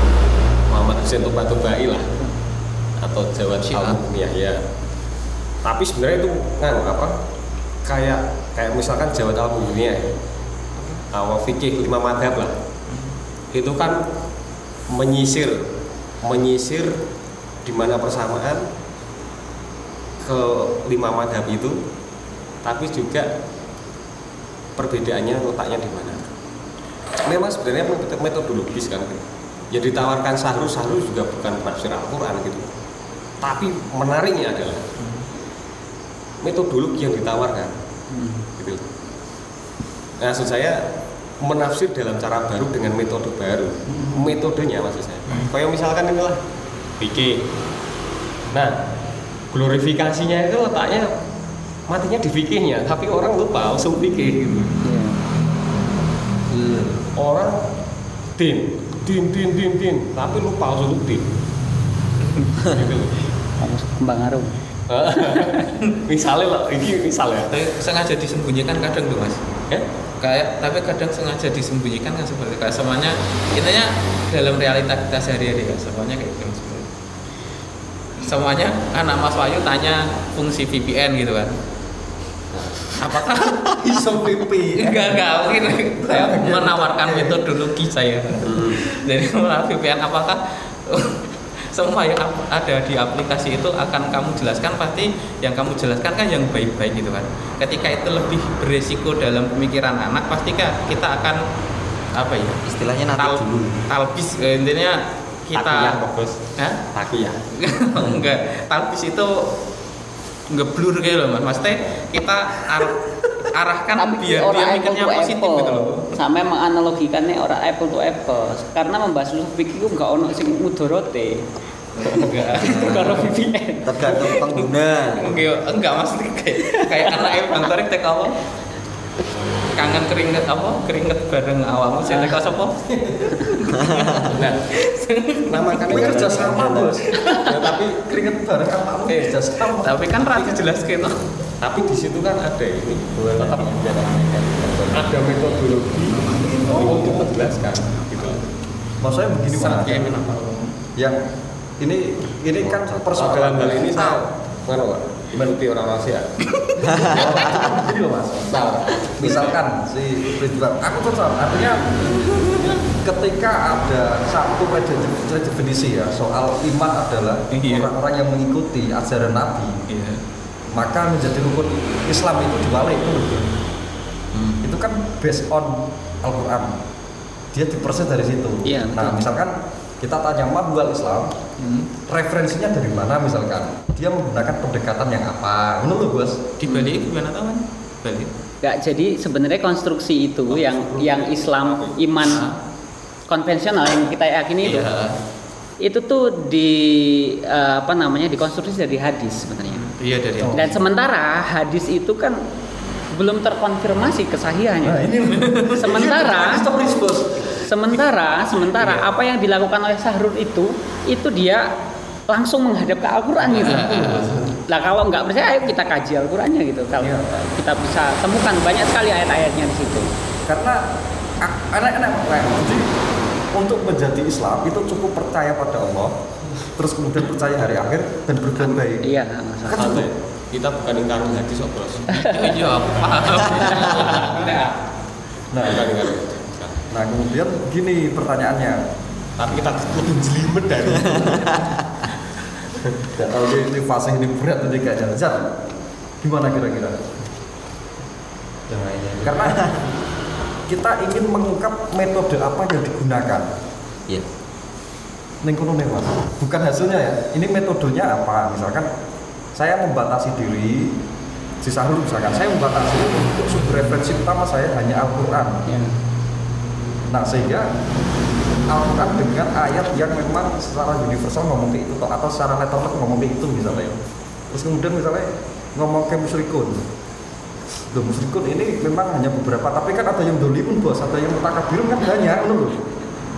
Takabirun jadi teologi mutakabirun kan ya enak. Teologi ya, dolimun ini enak bos. Kalau dikonstruk ya misalkan kita eh, menyusun misalkan eh, teologi takabur dalam Al-Quran misalkan. Ketika dicarikan ayatnya syarat teologinya bagaimana disusun dikonstruk. Akhirnya ketemu nih konsep mutakabirun itu yang kayak apa? Atau kemudian kita memilah eh, satu ngomong ke fokus linggone iman atau hal-hal yang di ya ibaladina amanu misalkan yang berawal itu. Terus yang kira-kira yang sifat atau eh, lafaz tersebut dia memiliki sifat yang positif atau yang dekat dengan Islam misalkan. Selebihnya dinegasikan semua dikelompokkan jadi satu misalnya. Itu kan ya cukup bisa. Artinya dengan metode ada pembatasan masalah ini loh. Nah sehingga eh, banyaknya metode yang digunakan dan pembatasan-pembatasan tertentu akhirnya menjadikan kita memahami secara parsial mas. Karena kita ada ruang dan waktu ada kenisbian misalnya nah ketika kita misalnya memaksakan diri alif lam mim itu ditafsirkan dengan eh, apa namanya ya? Itu adalah cahaya langit yang sedang membelok misalnya. Dan metodologinya apa bro? Kok kamu bisa menyampaikan itu? Oh cara cara saya begini menggunakan metode ini pendekatannya begini. Itu yang yang yang lebih menarik itu di metodenya. Soal hasil itu berdasarkan satu kemampuan individu referensi preferensi bos. Makanya orang yang eh, bisa disebut sebagai perawi hadis kan jelas nih persyaratannya Iya. minimal hafal berapa itu baru dinyatakan oh ini hadis sikot hadis sahih hadis hasan. Nah, ini hadis yang ditolak misalnya. Doib. Doib misalnya. Dobit tidak.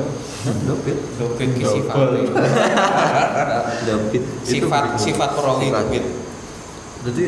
Secara kualifikasi individunya itu menentukan eh, arah hasilnya. Termasuk misalkan eh, Imam Syafi'i adalah satu-satunya imam yang mem- sangat memperhatikan kehati-hatian misalnya. Misalnya soal eh, bersentuhan dengan Allah mesti nisa. ah, bersentuhan dengan lawan jenis misalnya. Ada juga yang eh, menafsirkan bersentuhan nggak apa-apa asalkan nggak pakai nafsu. Kayak kayak begitu begitu loh mas jadi ada sifat kehati-hatian yang harus dimunculkan variabel kehati-hatian ini barangkali pengikut pengikut Sama kelangkaan air pada waktu itu. itu begitu Nek orang demek wis nafsu ya. kelangkaan. Nek urung demek wis nafsu ya Kelangkaan air. Itu loh menariknya gitu. Misalkan anu ya eh, historisitas di sana kondisi sosio sosial lingkungan. masih harus diungkap juga Mas. sehingga menentukan hasilnya seperti apa Nah mungkin ini ini kita spekulasi aja. Ibnu Ishaq boleh jadi hanya kemudian satu domainnya polikon politik dan sosial.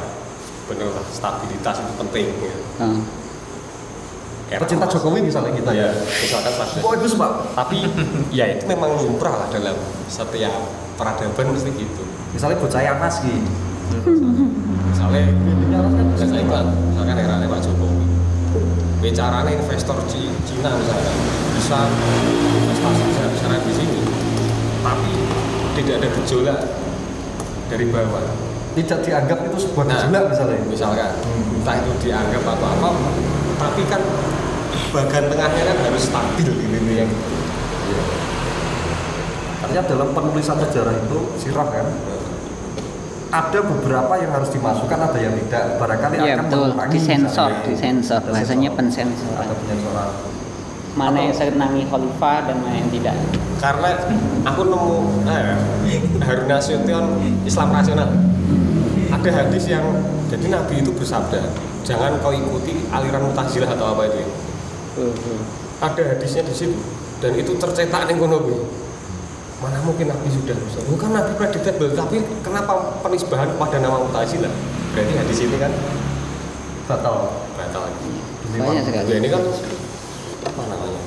Dan itu loh, jadi kalau kita baca runtutan keilmuan Islam itu harusnya ya kan sirah itu kan dibangun atas dasar potret Nabi tapi ternyata sirah itu dibangun dari hasil kumpulan hadis-hadis gitu. Jadi hadis itu kan ngumpul dulu. Jadi kan ada kecenderungan orang pada waktu itu pasca Nabi wafat ya kan. Nabi ini seperti apa sih? Hidupnya seperti apa? Ngomongnya apa? Perilakunya gimana? Kehidupan seharinya apa? Kan ada demand seperti itu. Pak dia tau sapi bisa gitu. Kayak gitu loh. Sehingga ilmu yang pertama kali berkembang waktu itu tuh hadis dulu. Walaupun belum disebut sebagai ilmu hadis. Cuma ada kumpulan-kumpulan seperti ya eh, perjalanan hidup Nabi lah dalam bentuk kumpulan dia apa perkataannya gimana, perilakunya gimana. Nah, eh, dokumen itu kemudian dijadikan rujukan dalam mengkonstruksi kehidupan Nabi. Tapi Harus- peristiwa paling dekat kan hadis, Pak. Ya iya, tetapi kita eh, tidak lupa bahwa proses pertumbuhan hadis itu syarat-syarat politik kepentingan. Jadi sirah Nabi itu juga syarat dengan kepentingan. Kenapa? Karena didasarkan pada hadis.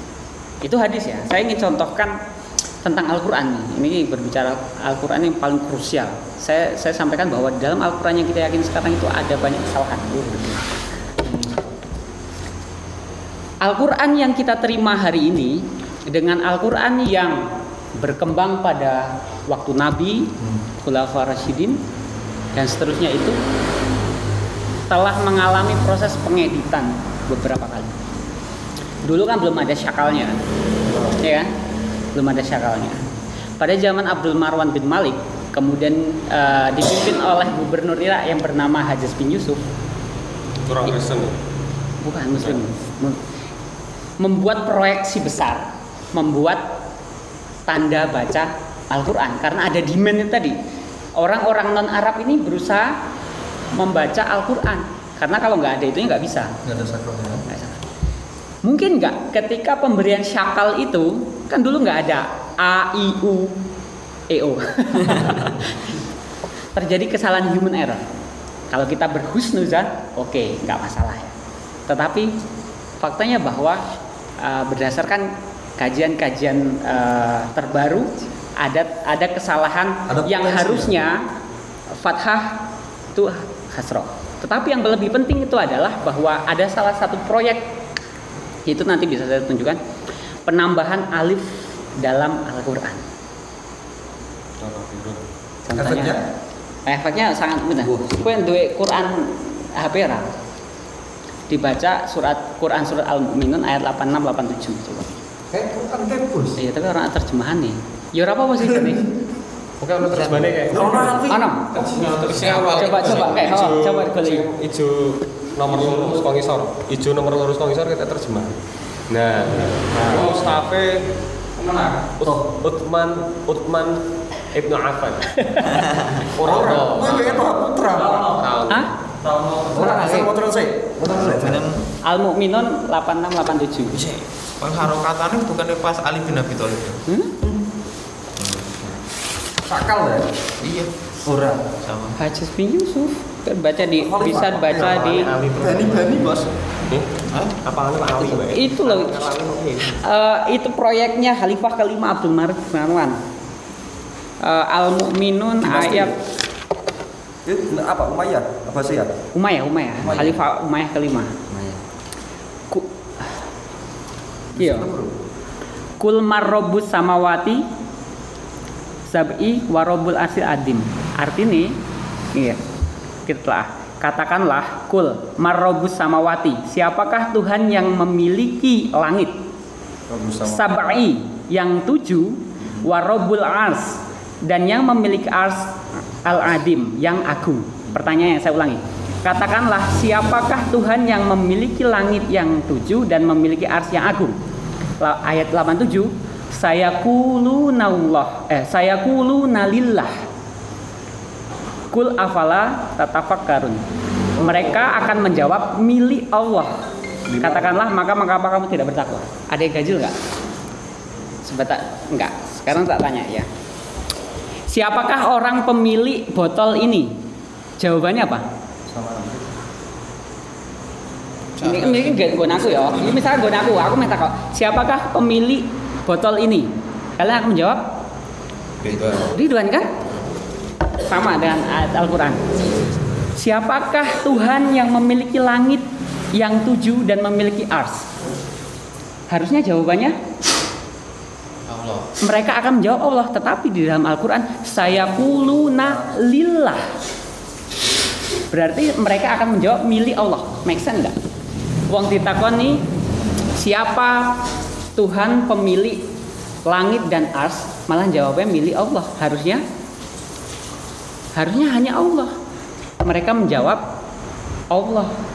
Artinya di situ kurang alif. Karena kalau alif berarti jadi saya kulu Allah. ya ya ya Oke, paham bahasa Arab kan? Jadi ketika gini gini ya, lihat ya. Ketika ini ditambahkan alif, ya, saya kuluna Allah kan dia jadi Allah. Iya. Tapi nek nggak ono alif ya kan saya kuluna lillah. Lillah. Ya enggak? ya ya Sehingga ketika ini, ini kan nggak make sense. Mosok siapakah Tuhan yang memiliki langit dan ars? Jawabannya milik Allah. Karena ora cocok kudune siapakah yang memiliki siapakah Tuhan yang memiliki langit? dirimu alifnya hilang Iya. oh nek Quran versi kemenak hilang Lah yo ilang kabeh ilang. kudune Kudune ono berarti bukan Loh, penambahan penambahan dan pengurangan Oh. proyeknya. Nanti ada ada yang kemudian ini perlu pengurangan ada ya apa? pengurangan ya Ini eh, Pengurangan ini yang huruf. seharusnya ditambahkan alif. Tapi dikurangi. Eh, yang dari pendapatnya Sahrul juga ya Enggak, ini eh, oh ono Pak. padahal Sahrul ki muslim. iya gak maksudnya Terus? Sing kasih saya saya saya Ah. katakan saya nenggone asbabun nuzule piye? Ora kabeh ono ayat ono asbabun nuzule. saya kulu nalillah. Coba ayat, baca ayat selanjutnya itu benar. Di situ eh, yap rumah biyadihi malakutu kulli syai'in. Terus jawabannya? Wa huwa yujiru wala yujaru. Alaihi kuntum ta'lamun siapa ayat saya sebelumnya? kulu nalillah wal 89 Ah. Nah, itulah baru terjemahannya, Bang. Mereka akan menjawab milik Allah Pertanyaannya?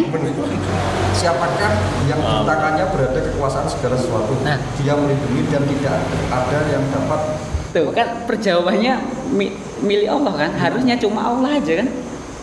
Cuma kalau kita terjemahkan dalam bahasa Indonesia kan miliknya di dalam kurung ya. Iya. Nah, itu kan terjemahan aja. Untuk itu tahu penerjemahnya bahwa ini tuh nggak make sense, makanya dikasih tanda kurung. Gitu. loh. Artinya bahwa kita jangan mempersepsikan bahwa Al-Qur'an tuh podoplek apa sing ono waktu itu. Nah, saya saiki itu telah melewati pengeditan dan uh, berbagai konstruksi gitu. Contoh kedua ada di Quran surat Al-Kafirun yang kita hafal. Kul ya ayyuhal kafirun la a'budu ma ta'budun. wah aku nontonnya jebol Tokopedia Pak. itu Tokopedia Sing sing kita baca Kul ya ayyuhal kafirun la a'budu ma ta'budun.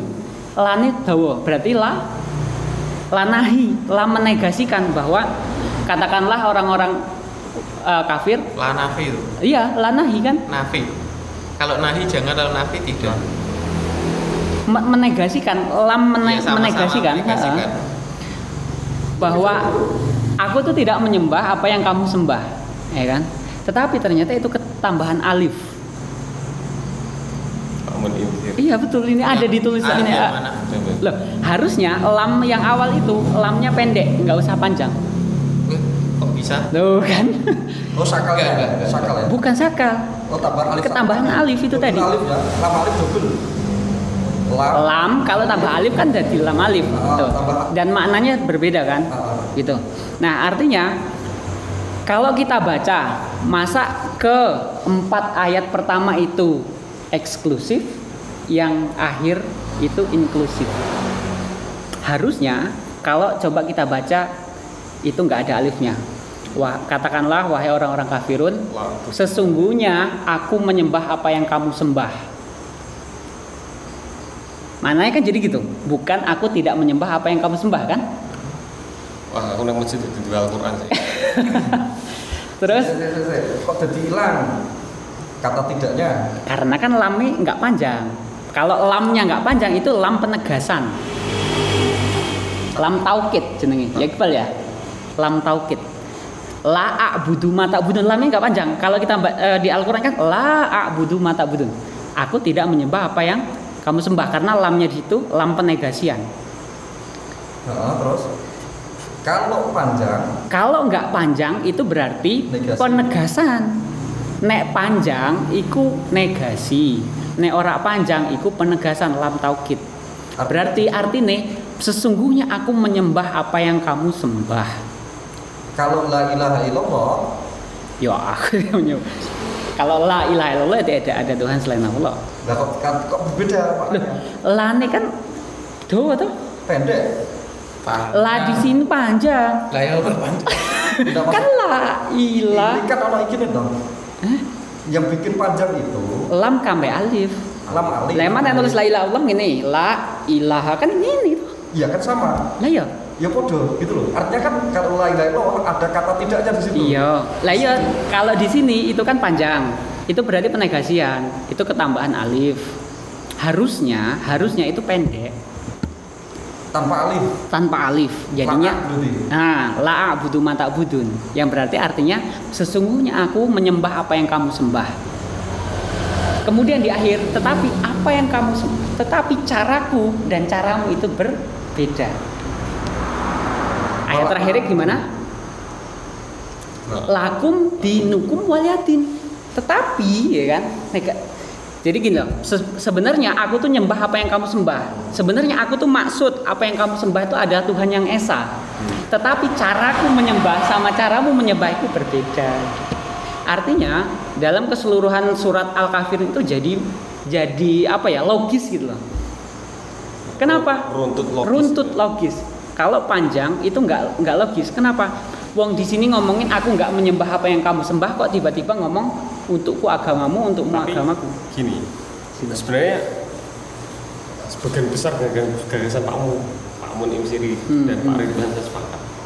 Cuma sekarang begini Pak Ridwan, kalau konteks misalnya ini sudah menjurus ini aja, kalau historis saya kira ya bukan menafikan lah, nanti mesti ada muncul teman-teman. Misalkan begini, eh, yang kita pahami ya secara kalau saya memakai ini lah, pandangan umum misalnya. Hmm, hmm. yang kita pahami bahwa ayat ini asbabun nuzul kan asbabun nuzul ayat ini turun itu kan ketika apa itu? Ajak kompromi. Ajak kompromi terus Nabi nggak mau. Nah, nggak mau intinya ini keluar nah pada saat itu berarti kan eh, ada dua hal yang perlu diperhatikan di sini. Terkait dari diskusi awal kita tadi. Eh, Islam dalam konteks ini ya artinya sesembahan sesembahan yang baik sesembahan yang berbeda atau cara yang berbeda. Berarti ada satu hal yang memang berbeda di situ. Konteksnya adalah berbeda. Nah berbeda itu menggambarkan tentang entitas nah ini di sini. Entitas atau identitas keagamaan yang berbeda. Ya toh, dari saudara-saudaranya. Karena kan begini sampai dengan hari ini saja misalkan sampai dengan konteks hari ini konteks hubungan umat beragama misalkan. Itu kan kita kan nggak mau disamakan dengan dalam tanda kutip ya Hmm. kita nggak bisa dong disamakan dengan umat agama lain karena kita punya apa namanya identitas keagamaan kita. Karena identitas yang di dalamnya simbol-simbol itu kan jelas berbeda. Secara keseluruhan maksud saya. Gitu. Nah eh, itu yang pertama. Yang kedua ketika konteks bicara sesembahan secara historis umat Yahudi lah taruhlah kita pakai agama yang samawi aja lah. Umat Yahudi kalau dalam Al-Quran aja bilang ketawilan itu penting misalkan. Huwallahu ahad misalkan. Itu enggak udah nggak bisa dikorumpurinkan lagi misalkan. Secara historis misalkan ya seperti itu. Nah di dalam ranah Yahudi itu kan historisnya juga cukup lama untuk menjadi menjadi tauhid gitu gitu. Nah, di dalam apalagi di dalam dunia saudara kita kaum Kristiani, umat Kristiani. Tentu dengan secara historis. Ini kalau konteks ini mungkin saya agak sepakat dengan ulil absor. Ya ini harus dibedakan antara normativitas dengan historisitas. Secara normatif ini nggak bisa dibedakan. Mungkin secara historis kita bisa diskusikan lebih lanjut gitu. Tapi menyangkut normatif ini kan harus ada ini loh. Justru kemudian bahwa ada ketegasan di situ itu kan menegaskan bahwa kita itu punya identitas yang berbeda dengan mereka. Identitas dalam arti uh, baik identitas uh, keimanan lah konsep ketuhanan lah tata cara peribadatan lah dengan berbagai macam turunannya itu kan berbeda. Sehingga ini mencirikan kalau Islam itu ya kayak begini. Kalau yang umat agama lain kayak gitu dan yang lainnya begini. Begitu juga misalkan. Gitu. sehingga kemudian aku film waliatin ya untukmu agamamu dan ya apa ya ini mungkin bahasa toler pembiaran di ya oke lah you tetap beribadah dengan caramu dengan apa namanya? Dengan keyakinan.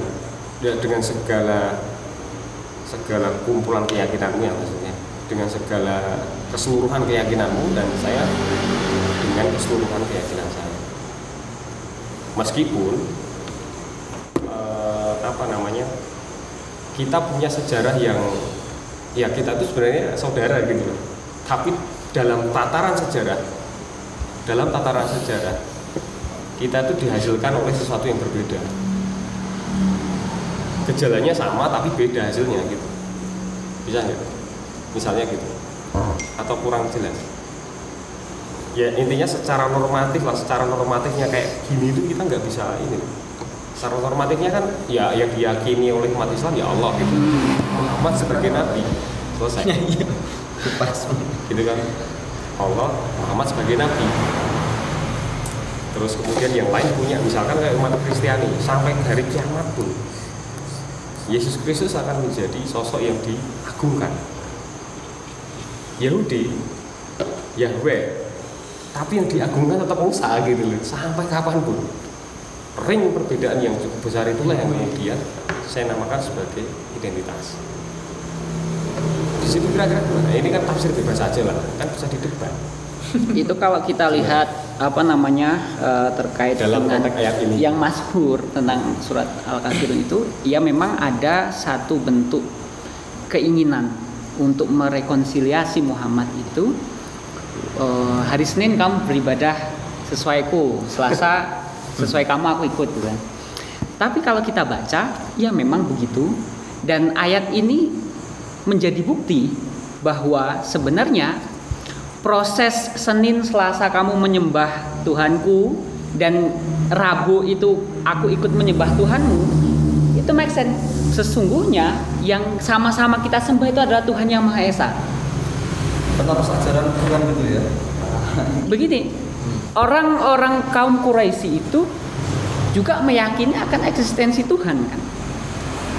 Cuma dia kemudian mendeskripsikan memvisualisasikan Tuhan yang dia persepsikan itu dalam bentuk yang lain. Kalau Islam kan berbeda lagi gitu kan? Itu loh. Maka sebenarnya yang ingin disembah oleh Muhammad dan kawan-kawan dengan kaum Quraisy dan kawan-kawan itu sama-sama tujuannya. Kalau kata bacaan itu begini cuma jalannya berbeda. Maka di akhir ayat jalanmu tuh lewat kene jalanku lewat kene. Gitu. jadi ayat ini sebenarnya kalau kita baca secara kritis itu tidak sedang eh, apa bahasanya ya menafikan, tidak sedang menafikan atau menyetujui ataupun eh, menolak ajakan itu, tetapi memberikan informasi bahwa sebenarnya Tuhan kita sama. Tuhannya sama dalam artian puncak Tuhan itu sama, cuma jalannya yang berbeda. Gitu. Wahai orang-orang eh, kafir, sesungguhnya aku menyembah apa yang kamu sembah dan kamu juga menyembah apa yang aku sembah. Ya kan? Tetapi jalanmu sama jalanku berbeda. Jalanmu. Itu itu itu dibuktikan dengan ayat Al-Qur'an lain. Iya. Salah satunya tadi itu yang Al, eh, Al-Mu'minun ayat 8687 itu mereka tahu kan siapa pemilik langit dan ars. Dia jawab itu nanyain siapa? Kaum Quraisy. Kamu kamu sedikit yang disebutkan Rusin. Mereka tahu Allah, mereka meyakini Allah. Tetapi jalannya cuma berbeda. Ayatnya tadi mengkonfirmasi kan bahwa ketika ditanya siapa pemilik langit yang tujuh dan ars Allah dia bilang yang jawab Allah itu siapa? Musyrik. Ya orang musik Quraisy itu yang sama audiensnya dengan ketika wahai orang-orang kafir sesungguhnya aku menyembah apa yang kamu sembah. Dengan kajian ini saya punya Al-Quran. Itulah jadi jadi ada ada korelasinya ya nggak? Eh, apa namanya paham nggak situ? Jadi kuliah akhir kafirun la abudu mata budun sesungguhnya aku menyembah apa yang kamu sembah itu dikonfirmasi sama Quran surat Al-Mu'minun ayat 8687 tadi bahwa dia sebenarnya meyakini juga bahwa Allah itu sebagai Tuhan cuma jalannya beda caranya beda artinya bahwa di dalam Al-Quran juga ada kemungkinan keeroran dalam proses eh, pengeditan itu. Ya. Saya mau tanya bang, ya Eh, tadi kan abang kan ngomong tentang bahwasanya Al-Quran itu kan eh, ada perubahan yang yang sudah diperdebatkan tadi, yang dari awal sampai akhir kan, saya malah eh, apa menghasilkan kesimpulan gini, saya eh, siroh tadi itu jangan-jangan adalah eh, bentuk dari propagandanya agama kita Islami untuk lebih cepat menyebar gitu dan lebih gampang diterima gitu. Nah, yang saya tanyakan tujuan dari apa perubahan tersebut itu apa? Apakah sama dengan kesimpulan saya perubahan ini ayat-ayat Al-Qur'annya Iya. Tidak, jadi begini, kalau kita baca sejarah Al-Quran, eh, kalau yang paling ringan itu teman-teman nanti bisa baca bukunya Bang Taufik Adnan Amal, sejarah Al-Quran. Itu yang paling Saya paling rekonstruksi. Hmm, rekonstruksi sejarah Al-Quran itu yang paling bilang, ringan. Ada PDF-nya. Itu itu yang paling ringan sebagai pengantar bahwa sejarah teks Al-Quran. Jadi dulu itu kan Al-Quran ku ya ono bloko ono lho gurung ini ini kita ora iso bedake ha kho jim gitu loh. Dan juga jangan dikira bahwa ada kayak alif kayak kayak gitu. Ya cuma huruf eh, intinya doang. Tetapi karena mereka adalah native, mereka bisa baca. Tetapi orang non Arab, ya kan, itu kan nggak bisa. Dan juga ada yang namanya perbedaan dialek. Iya, aksara Jawa itu Aksara itu. hanya bisa dipahami orang-orang Jawa karena sering menggunakan itu. Saya saya kira bocor. Tulisan Jawa di riso. Kekhawatiran ulama dulu apa namanya aksara Jawa harus dikasih harokat misalnya untuk memudahkan. Bila aku selalu misi sampai ada gue. Pakai aksara Jawa dulu. Ada yang tanya-tanya toh. Rapuku. ke sini. Loh, tak kira ngomongin bakulan Itu. dunia. Eh, Kopong. kembali ke skrip. ini. Aku ngomong ke skrip tadi. Hmm, harus nggak foto ini terusin. Iya kan, Terus terusin. ya. Jadi aku juga apa ya? Ada kemungkinan bahwa orang orientalis itu juga punya gramatika baru gitu kan. Maksudnya kan sepemahaman saya kalau aku belajar bahasa Arab itu kan tentang kata kerja kedua di ilmu dore itu kan salah satunya abudu gitu kan. La abudu gitu kan. Ketika diartikan sesungguhnya itu kan salah satu dari 18 lafal yang bisa masuk fil mudhari itu kan lam. Dan itu nggak ada yang artinya sesungguhnya. Artinya cuma hendaknya kalau la, la ada dua la nafi sama la nahi sama-sama menegasikan yang satu artinya tidak yang satu artinya jangan. Terus ada lam satu lagi li masuk bahasa nah, masuk fiil mudhari itu lam yang nggak nggak pakai alif itu li bukan la. Sepemahaman saya loh. Dan berarti kan ada kemungkinan juga orang orientalis juga punya gramatika baru itu kan. Dalam morfologi ini ya? Iya maksudnya kan seperti- gramatikal baru. Ya maksudnya ketika lah ada kemungkinan tanpa alif Setahu saya ketika masuk dalam fi'il mudhari itu diharokati li. Tapi ketika nanti didahului huruf seperti wawu atau fa itu disukun. Jadi kalau ah, seperti lafal fal yakul atau li liyasmut liyaskut li'ah. Iya, intinya Oh, itu aulaya al aulayasmut Auliasmul Auliyasmut.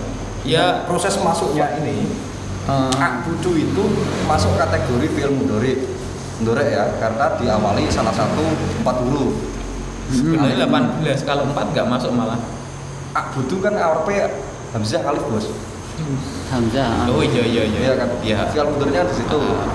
Hanya bisa didahului itu huruf la lam alif ya. Kalau lam tanpa alif itu li. Li ak budu misalnya.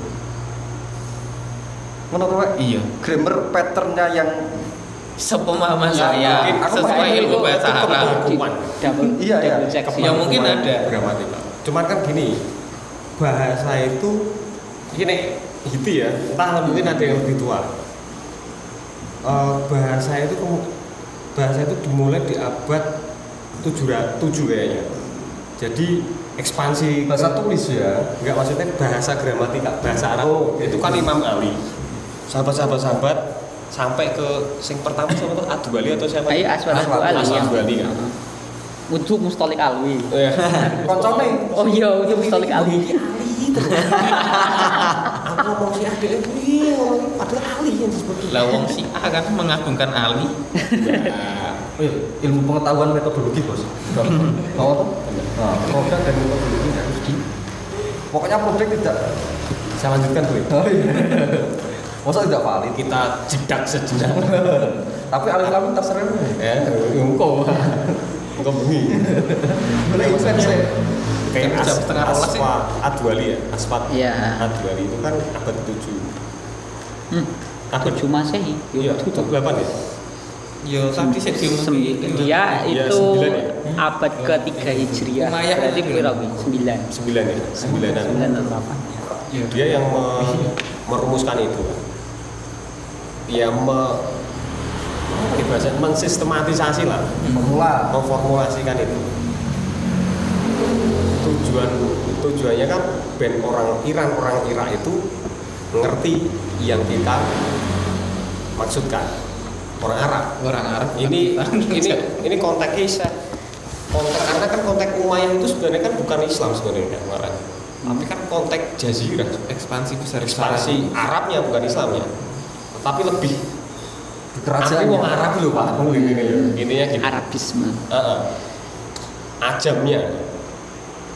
Jadi itu nah makanya persoalan bahasa menjadi penting. Nah eh, sebagai dokumen yang tertulis ya. Ya artinya ono Kemenristek Dikti lah maksudnya menetapkan bahasa Indonesia. Iya, Di. kok berarti diekspor ning Papua Nugini. Ben kono ki ngerti orang maksudnya itu- gini misal oh iya karena Dewi wis ekspansi rono sih. Iya, iya. jadi biar ada itu nanti biar oh iya mereka bisa menerima itu dari sisi gramatikal. Nah eh, mungkin itu yang paling awal kan asata duali nah lalu bagaimana dengan sebelum itu gitu loh? Ya bagaimana pengkajian bahasa sebelum itu penulisan? Penulisan salah satunya misalkan. Kalau Ibnu Asim itu semasa dengan siapa? Ibnu Asim dan enam apa? Nggak masuk kira asap. Kiroah Kiroah Kiroah itu. Sabah toh. Eh, Setelah sahabat mungkin kan ini kaitannya dengan itu. Kenapa kita harus pakai Ibnu Asim? Itu pakai. itu belakangan. Belakangan malah malah belakang misalkan. Nah ini kan ada oke boleh kita tinjau dengan proses politik proses budaya sosial kan bisa. Akulturasinya ya. Akulturasinya. Tapi aswat adwali sebelum itu berarti rentang kalau 200 tahun. Wah, berarti 200 tahun kan? Belum nanti kenalan sama siapa itu? Sulaiman bin Mukotil itu ya? Mukotil bin Mukotil bin Sulaiman. Sulaiman, Mufasir pertama. Sulaiman ini Leman yo lewat Mukotil Itu abad keloro malah. malah abad kedua tafsir pertama malah nah ini ini kan menarik. Apalagi gini di tafsir zaman nah, nanti bisa dijelaskan. Mungkin ada hubungannya dengan itu tadi. Hmm. biar ya nggak apa-apa ini lah. Sisa waktu atau kelebihan waktu sedikit ini bisa disampaikan. Artinya Mukotil bin Sulaiman bisa kok menafsirkan Al-Quran. Berarti semasa Mukotil bin Sulaiman ini berarti kan sudah ada sistemasi bahasa di situ. Satu padahal kalau Mukotil bin Sulaiman itu lebih awal berarti kan dia lebih tua dari Asfat Adwali oh pasti. Nah berarti kan ada pra pra pra pra di situ. Nah berarti ada perkembangan bahasa di situ yang cukup signifikan. Ilmu tafsir itu soal ning bahasane Musik. tapi kan bahasa yang bagaimana? Kan itu pertanyaannya. Iya. bahasa yang masih tercecerkah atau bahasa yang sudah tersistemasi ya menjadi gramatika bahasa Arab Imam Oh, salah, Bang. Ternyata tuanan Aswad Tuan Aswad oh 688 sementara itu Mukotil 767 meninggal. Hijriah Masehi. Oh, Masehi, Masehi. Tahun berapa 767. bayangkan tujuh- Berarti meninggalnya Mukotil tahun 767 67. Nabi meninggal tahun nanti 632. tapi dia bisa 100 menafsirkan tahun, Al-Quran 150 tahun. eh Iya. Kan Aswad Adwali Aswad Adwali 688. Iya, wajar. 40 tahun Iya, berarti Iya, ya 45 oke tahun. tapi kan 45 ini tahun. mau dibalik Mukotil dulu atau Wah, iso, Aswad Mas. enggak maksud saya gini mau dibalik Aswad dulu Hmm. atau Mukotil bin Sulaiman dulu tetapi kan paling benar abad ke-6 kan berarti si Aswad eh abad ke-7 ya 8 Bang. ke-8 700 kalau yang Mukotil abad ke-7. 7 7 akhir. berarti 7 akhir 688 kan? Oh iya, ke-7. itu wafatnya Mukotil Mukotil abad ke-8. abad ke-8 Aswas Aswad Wah, abad ke-7 lebih- akhir. lebih utama lebih ini ya lebih Gisean Aswad. bisa aspat berarti kan Aswad nututi Usman nuntuti Sulaiman ora kodifikasi gitu mas Wah, prosesnya ma- makanya gitu. Oh, ora tau ya. Ora. Ora tau wong Aswad ki lumayan kok. Khalifah kelima Ah, Utsman. ah, ah, kuwi gubernur Irake nganu. Apa jenenge kuwi? Abdul Malik bin Marwan. Nah, berarti kepentingan Terakhir khalifah ki 70 ya, 670 kok ya. berarti kan bahasa dulu. Oh, iya benar benar. Iya benar. Gitu. Gitu. Bahasa dulu baru tafsir ngikuti. Ya. Tapi bisa di bisa Us- Usman tahun berapa Usman makin afan? Ya berarti tinggal ditambah wae. Diurut kan, ya nek nabi 630 an misalkan. Abu Bakar kan belum tahun. tahun ya, Karos nganu 10, 10 tahun, rolas. Berarti yang lebih Usman. Berarti kacek 15 tahun lah misalkan. Ya, 630 tambah 15 647 Berapa? 7 Nah iya sih sama nunggu Jadi proyek, proyek edifikasi Al-Quran itu terjadi proyek 600 77 1978 iya, iya, atau sebelumnya itu Aswad gawe tanda-tanda. Ditulis. Setelah setelah jauh setelah jauh. Jauh setelah jauh setelah Usman wafat.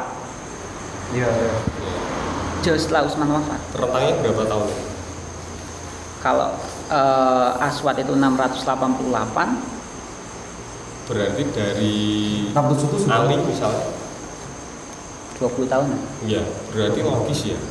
Iya. Jadi kalau misalkan logisnya gini tuh, semuanya dimulai dari bahasa. Nah pembukuan Al-Quran itu berarti? Usman. Usman, pembukuan? Mulai Umar. Mushaf ya, pembukuan bahasa tafsir. penulisan. Iya iya iya. Kan? Iya iya. Ditulisnya kan? Berarti kan tuntutannya pembukuan Al-Quran, kodifikasi ya, Kodifikasi itu. kodifikasi Quran, kemudian tulisannya. Bahasanya, iya iya. Pembahasan bahasa gramatika bahasa Arab, Tafsir, tafsir. tafsir. Oh ya apa? Oh itu logis pak. Loh, memang begitu mas. Nah, seperti refresh jadi nggak jadi tapi berbeda dengan metodenya. Jadi jadi Mulyadi itu jadi jadi apa? Teorisasi alam itu mas. Kececeran soko alam jadi kayak ini sejak karakter itu begitu apa? Teori Big Bang nah ini kan ini berarti mengumpulkan dentuman besar yang tercecer. Kue karepe Caca Hemi iki mikire ngono ki lho. Iki kejadian perawatan masyarakat ditarik, diteorikan, di skripsike ngono lho. Berarti tapi posisi Adwali me Oke, berarti Penemu kan nah, sekarang, ya? sekarang ini sakalan ya, Dewi saya kan pengkodifisian sudah, Penulisan konstruksi sistemasi bahasa sudah, tafsir. Se, Sepansa kapan pensakalan terjadi? ya kowe asal Adwali kuwi. Oh iya mantap. Sing gagas ilmu nahwu sorof kan ya. Adwali. Ah, Aswad Adwali betul. Dia menggagas ilmu itu nahwu sorof itu sekaligus membubuhkan tanda Iya. dalam dalam dalam Al-Qur'an. Ya, Tetapi harus harus dipahami begini. Pada saat pembakuan yang dilakukan oleh Usman, kui juga ada musaf-musaf lain. Iya. Walaupun dalam tanda kutip secara politik dibakar semuanya, tetapi masih ada yang tertinggal. Yang itu menjadi koleksi pribadi yang poin gimana caranya dilindungi sehingga ada satu kitab yang eh, sangat menarik itu yang menghimpun mushaf-mushaf Al-Qur'an. Bukan, itu eh, judulnya Alkitabul Masohif. Jadi kumpulan mushaf-mushaf yang ada waktu itu. Ya, jadi jadi nggak hanya mushaf yang udah dikanonisasi sama si Usman ataupun Aswad Adu Ali yang refer yang mushaf mushaf ini otoritas negara bahasanya ngono. tafsir kemenak Iya. kan ono tafsir misbah tafsir Jalalain. Utomo Jala- dan sebagainya Tafsir. Nah artinya bahwa dalam konteks itu wak- eh, proses pembubuhan tadi ya pembubuhan ataupun pengurangan tanda baca itu terjadi perdebatan antar apa namanya eh, itu tadi Aswad Adu Ali dan beberapa tim itu bahwa saya, saya referensinya ini menggunakan alif. Saya referensinya ini nggak pakai alif. Tapi karena memiliki otoritas menurut saya yang saya begini maka yang hanya bisa diambil satu versi kan Iya. official Kayak yang ya. dipakai ofisialnya yang itu kuliah kuliah ayuhal kafirun la aku mata dulu. Tapi ono mas sing la aku mata. Tapi who knows? Siapa yang tahu bahwa yang paling benar yang mana kan gitu. Karena semuanya memiliki dasar, memiliki ketersambungan sangat. Tapi gitu. Apa ya sakal ya? Oke, sakal ibaratnya pernik-pernik lah bahasa Hmm. kita gitu. Tetapi badannya itu kan sama. Nah, ya sama. Nah, badannya berarti tidak ada perbedaan. Tidak, Tidak. Hanya persakalan saja. Tapi persakalan itu mempengaruhi arti. Betul. Dan harus diketahui bahwa Al-Quran itu tidak hanya memuat eh, teks Arab, bahasa Arab. Salah satu eh, temuan yang menarik yang sering dijadikan eh, referensi oleh kelompok jihadis itu bahwa eh, di surat Ad-Dukhan itu eh, orang yang mati secara eh, sahid akan mendapatkan 72 bidadari. Nah ini Bang Alwin nanti ini. Kurun in itu kalau dibaca secara balaghah itu make sense enggak? Ad-Dukhan. Kurun in itu artinya 72 bidadari. Iya. Itu kalau dipotret secara sebentar. ah, Kalau 72 bidadari, jangan diteruskan. Traveling. ya makanya itu ini untuk mematahkan itu. Ternyata itu bukan bahasa Arab, anu sih? Ya, iya. tapi itu bahasa Syria Iya iya. Sila. iya. yang artinya anggur putih atau eh, Ada bahasa parfum ya? parfum yang diambil ekstraknya dari anggur jadi nanti para penghuni surga jihadis itu akan mendapatkan parfum yang sangat wangi yang dikonstruk eh, yang diekstrak dari anggur tidak ada Parfumnya. bidadari gitu Kayak kalau wong poso ababe mampu kesturi. Kesturi. Dulure. gitu jadi itu Iler. karena kalau kita eh, kalau di apa, hurun inun juga nggak ada hurun ini nggak ada jadi itu merupakan infiltrasi dari bahasa ya, ya, non non Arabik gitu. dan banyak lagi. Kayak eh, kalau yang ada di Bilan itu kafuran. Kapur itu bahasa Sumatera kan? Sumatera itu kan? Barus, Pak. Ah, dulu loh para pedagang Arab Iya, memang. ya memang. Sumatera. Biyen iki jenenge orang Sumatera. Harus jadi kita kenal seluruh dunia dulu nga- kalau ngambil kapur barus itu di situ di Sumatera itu. mumi. Heeh. Belum mumi kuwi. Nah, salah satu itu kemungkinan ka- kapuron itu dari kata kapur yang diambil dari eksternal. Artinya apa sih? Kafir. Utuh. Jadi gitu loh. Ora, jadi tujuannya kapur kapur barus.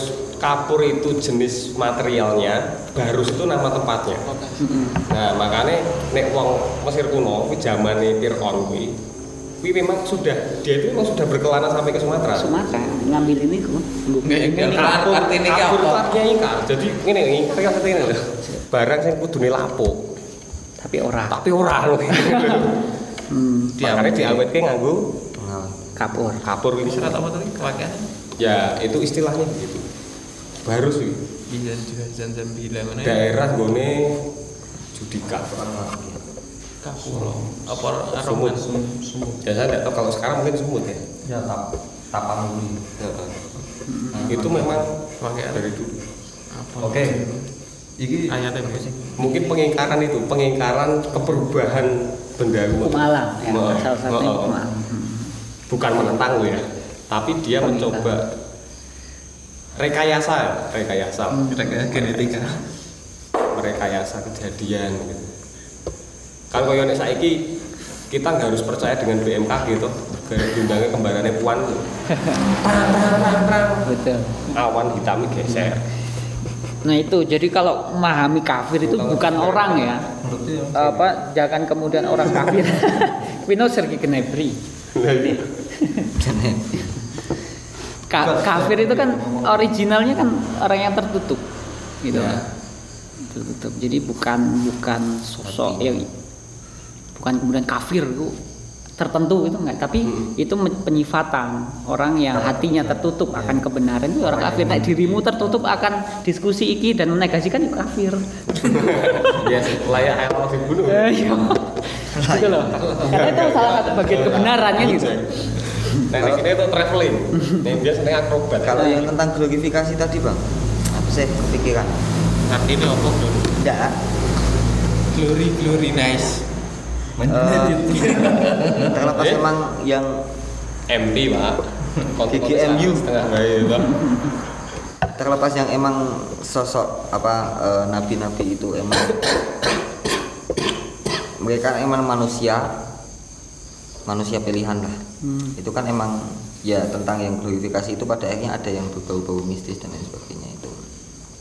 Namun kan emang ada mukjizat itu Itu mujizatnya Nabi Muhammad nggak ada yang Nggak keren. nggak iya keren. dan yang sebelum-sebelumnya aja itu Yang gimana kan, kan sebelum-sebelumnya. kalau, kalau kalau yang ngomongkan tentang Musa atau maksudnya Musa terus Isa, Isa gitu tau hmm. ya boleh jadi benar tapi kan itu eh, itu ada kan dalam Al-Quran kan? ketika Al-Quran, Nabi Mu- ya. Na- Nabi Isa berbicara waktu kecil menghidupkan itu kan juga ditulis Alim 39 apa ya? Kok Al Imran tuh? Ahli. Ahli loh. ya, iya memang Ali Imran kan bukan Ali malam ini adalah Ali ya boleh jadi iya cuma kan yang perlu digarisbawahi Muhammad tuh nggak punya kayak gitu gitu loh jadi eranya sudah berubah Menunjukkan kemanusiaan. menunjukkan kemanusiaannya itu yang harus dipotret standar manusianya sama. Jadi tidak ada sesuatu yang memang di luar nalar manusia itu dilakukan oleh Nabi Muhammad. Justru itu keunggulannya yang hari ini harus dibawa gitu loh. Hari ini makanya harus dikatakan bahwa mujizatnya Nabi itu ya Al-Quran itu Hmm. Logis. Hmm. Tapi walaupun saya kira di tanel kesan salah ya. Ojo goyang. Enggak, maksudnya iki oke Pak. Jadi proses kodifikasi Al-Quran itu kan Wih, krungu to mau. Dipan ngomong apa? Dipan ngomong apa kan udah krungu gini gini. Ki metu nggih resume, Pak. Lah beda-beda to. Hmm. Nah, saling koreksi, nasah mansuh. Kuwi nek kita mau Ridwan ra ono pernyataan ngene iki, gitu to. uji materi Iya toh. Lah bagi apal piro misalnya. Jadi ada ada kualifikasi itu kan yang, yang dipanggil sama Ya, Khalifah berarti- Umar. Uh. Roto ono forma itu kan. Ada. yang po nanti me Makanya ada, mengunggulkan ada Al-Quran minor tadi loh. Sukuf minor tadi itu. Iya betul. Masa merah ditampa ya. Apa mergo apa misalnya begitu. Itu ya kurang dhewe berarti. Termasuk kayak sukuf a- a- kitab al apa? Masohif. Eh, ya, itu itu buku yang menghimpun mushaf-mushaf yang pernah ada. Sukuf. Suhuf itu ya area mushaf kan. Iya. Ya. Sukuf, sukuf, sukuf itu, musaf itu uh, unofficial lah kira-kira. Hmm. official aku kerumunan ngene kok Ridwan mau ngomongnya ngene fase yo kerumunan ngono misalnya ada beberapa dilalah saya sok setoran karo Ridwan. Resume hari pertama. Iki ra ono sing Ridwan ra ngomong ngene iki ngono gitu. Terus kemudian iki rasa ada Pak. Pak Harto wae uripe. Ya. itu kan 20 tahun yang lalu misalnya Hmm. meninggalnya. Pergaulan itu kan ya beda-beda tuh pak yang bergaul dengan ring ring satu ring dua ring tiga itu kan ya banyak banyak resistensi di situ. Ada ada segregasi atau degradasi. Tapi nek eh, sitik soal mau bahwa pattern Rosmul Usmani yang dibikin sama Aswad Abdulali kalau tidak ada perbedaan eh, dalam penulisan laak budu ya artinya sama bos. Nggak bisa di, di ada penambahan lam alif gitu loh. Tiba-tiba uh, Aswad Abdul Ali menambahkan alif. Atau tadini itu nggak ada alifnya misalnya. Ah, ah. nah terus kemudian proses berikutnya proses editing berikutnya tambah alif. Baik karena ini menegaskan bahwa kita itu berbeda misalnya. Tapi Ya. kalau landasan pertamanya Aswad Abdul Ali menuliskannya adalah budu mocone ya karena ditambahi alif ning kono jadi ya menjadi Quran editan ki mau jadi direvisi itu. Sing sing bener piye? Maksudnya gini.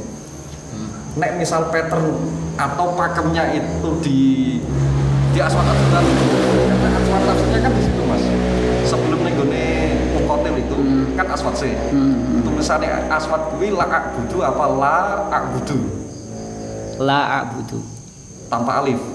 Tanpa tambahan alif. Eh, Eh, sudah pakai. ditambahin alif. Pakai. Sudah ditambahin alif Ver- versinya eh, Aswad Adu Ali itu yang sebagaimana kita sampai sekarang. Tetapi kan dulu kan nggak nggak bisa bedakan Iya. panjang pendeknya, ya kan? Tapi kemudian karena kaidah bahasa yang dibuat oleh Aswad Adu Ali, gitu loh, maka ini harus ditambahkan alif. Make sense nggak? Jadi karena Aswad Adu Ali itu membuat hukum, maka ayat ini harus disesuaikan dengan hukumnya. ya Tetapi boleh jadi yang originalnya itu adalah memang la'abudu. Gitu loh. ada kemungkinan begini ndak Nabi Muhammad ketika menyampaikan firman Hmm. itu kan sama-sama bahasa Arab ada penekanan-penekanan intonasi suara misalkan Hmm. ada menghela nafas terus kemudian ada penekanan tertentu sehingga itu ditafsirkan ini perlu ditambahi alif misalnya Sementara referensi sampai ke situ belum ada yang menemui. Karena pertama Nabi itu tidak menafsirkan keseluruhan Al-Qur'an. Ataupun ketika menafsirkan tidak ada bukti tertulisnya. intonasi intonasi penyampaian firman Ya iya, kan berarti tidak ada yang merekam itu. Tidak ada yang merekam bagaimana Nabi melafalkan Al-Kafirun itu. ya Gitu. Hanya eh, apa yang kemudian didengar oleh para sahabat itu. Itu yang kemudian berbeda-beda. Ada yang versinya panjang, ada yang versinya pendek. Seperti itu. Tetapi kalau kita eh, kesampingkan perdebatan itu, kemudian mengacu kepada terjemahannya, artinya eh, makna ayatnya itu kan lebih make sense pendek, ya kan? karena dikonfirmasi uh, ayat Al Mukminun ayat 86 87 hmm. tadi gitu. Kalau memang kepentingannya adalah Nabi Muhammad itu adalah nabinya Gusti Allah. Hmm. Yang tugasnya adalah menyegarkan kembali paham-paham ajaran agama atau ajaran Tuhan itu. Sing maune sebelum Nabi Muhammad itu kan Nabi Isa, hmm. Nabi Musa. Hmm. Itu lah aku juga. Ono Muhammad mana Pak? Muhammad Iqbal.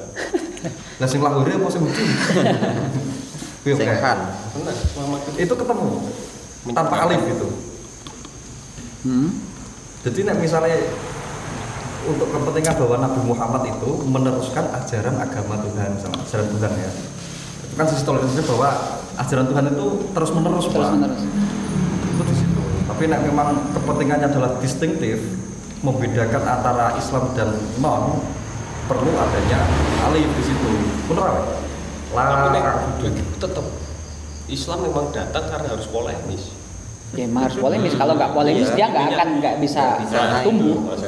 Itu, yang yang harus dipahami. Itu harus baca polemik kitab suci uh, disertasinya Munsir itu bagus sekali. Harus, harus. Bagaimana Al-Quran itu berpolemik dengan uh, apa agama-agama yang ada di situ. Karena kan gini ya benar sih. Sifatnya memang lokalitas ya. Contoh misalkan kayak sing nenek kalau di dalam Al-Quran kan yang dituhankan itu kan dua. Isa Uzair. Oh, polemiknya kalau Yahudi Uzair, kritik uh, kritik Al-Qur'an terhadap agama Yahudi Uzair, kalau kritik terhadap Nasrani itu itu trinitas itu. Hmm. Tapi ternyata ini ini fakta menarik. Apa yang dikritik oleh Al-Qur'an trinitasnya yang dikritik oleh Al-Qur'an itu ternyata berbeda dengan konsep trinitas yang asli Kristen. Di dalam konsep trinitas Kristen itu bukan uh, Tuhan itu sebagai sesuatu Bapak itu sebagai sesuatu yang sendiri, uh, Roh Kudus itu sebagai yang sendiri dan Maryam itu sebagai enggak, tetapi adalah bahwa firman itu kan bagian dari dirinya. Misalkan aku Tuhan ya kan? Terus kemudian aku menciptakan logos dan bentuk Yesus. Terus kemudian yang membuat tenggorokan ini masih di sini. Itu menjadi satu bagian gitu loh. Tapi yang dikritik oleh Al-Quran itu adalah berbeda. Entitas jadi entitasnya sendiri-sendiri gitu. Kenapa kok berbeda? Karena waktu itu yang dikritik oleh Al-Quran itu adalah sekte Kristen yang berada di kawasan Hijaz itu. Tujuannya apa? Untuk tujuan polemik di situ. Jadi kalau hari ini kita masih mengikuti uh, konsep uh, apa namanya Trinitas sebagaimana oh Trinitas dikritik oleh Al-Quran, baca lagi bahwa apa yang dikritik oleh Al-Quran itu berbeda dengan konsep Kristen yang diyakini oleh agama Kristen ofisial seperti itu. Jadi Al-Quran ini kan dia menjawab persoalan ya. Hmm. Dia menjawab persoalan lokalitas pada waktu itu. Sing dipahami masyarakat Kristen pada lokalitas di sana itu adanya dikotomik lah kira-kira hmm. Ajaran Kristen ini dia sudah lepas dari ajaran ini. Wes ono degradasi ini pak keutuhan atau keterpaduan Trinitasnya misalnya yang diajarkan Kristus misalnya filter begitu tabiin tabiin tabiin tabiin misalnya. Hmm. nah, segregasi biasa pak. Iya. iya. makanya ketemu runtutan itu. Jadi Nabi Muhammad itu melakukan penyegaran kembali pak. Nek bahasanya Ulil ya. Atau bahasa siapa? Wahim iya boleh jadi ini. Uh, Kristen sing dikritik Al-Quran ini versinya Islam MTA misalkan. Ternyata sing official gue Muhammadiyah NU misalkan ngono loh iya jadi kayak ono-ono sekte nih ternyata sing kritik apa? kan sing sing ketemu karo Muhammad mengko kan udu udu teolog Kristen tapi para pedagang kan yang ya. ke Kristian uh, ke Kristianinya kan cetek-cetek ya, uh, gitu loh bukan bukan yang murni kan nggak ketemu pastor nggak ketemu uskup di situ gitu. karena nggak nggak menjadi sentral sentralnya kan di rumah di sana jadi wajar saja kalau itu adalah Kristen heretik. Itu ada satu uh, kajian yang menarik bahwa memang uh, banyak berkembang sekte-sekte Kristen itu yang berkembang di Hijaz pada waktu itu. dan wajar aja apa yang negatif itu berbeda Oke, Fasih ini kan jurusannya pengembangan masyarakat Islam. Makan Islam dulu kembangnya. Islamnya dikembangin pak. Based on it. Sesuai kebutuhan. Iya sih. Pemetaan. Klasifikasi. Apa faktor yang mempengaruhi misalnya kira-kira tafsir-tafsir Al-Quran atau yang menjadikan eh, yang membentuk sikap kita dalam eh, menjalankan ajaran agama misalnya ketika kita mau bikin eh, sebuah kebijakan membuat sikap tertentu mengambil sikap tertentu referensi yang didapatkan itu kan sangat mempengaruhi. Nah, kemudian di dalam kita ini dia kita sebagai pemimpin dan harus diikuti oleh teman-teman yang lain. Ada potensi keliru nggak kira-kira? Nah itu yang sedang diperdebatkan soal metodologi dan kualifikasi individunya Ya itu sekalian buat Pak buat disampaikan. Di pertemuan selanjutnya. Terus saya ngomong. apa tema selanjutnya? Pasca awal Islam. Langsung ke ilmu Islam ya apa? Keilmuan Islam Keilmuan ilmuwan Islam. Islam. Misalkan kita sahabat tadi. eh, mengkaji hadis. Misalkan kalau misalkan ada yang expert di hadis.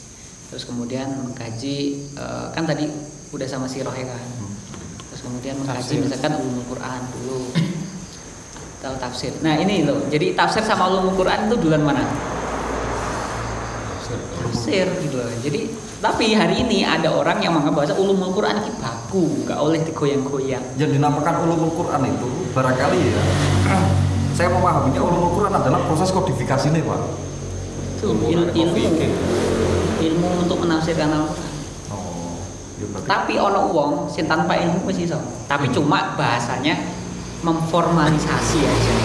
Seperti halnya hadis. Hadis itu sudah ada.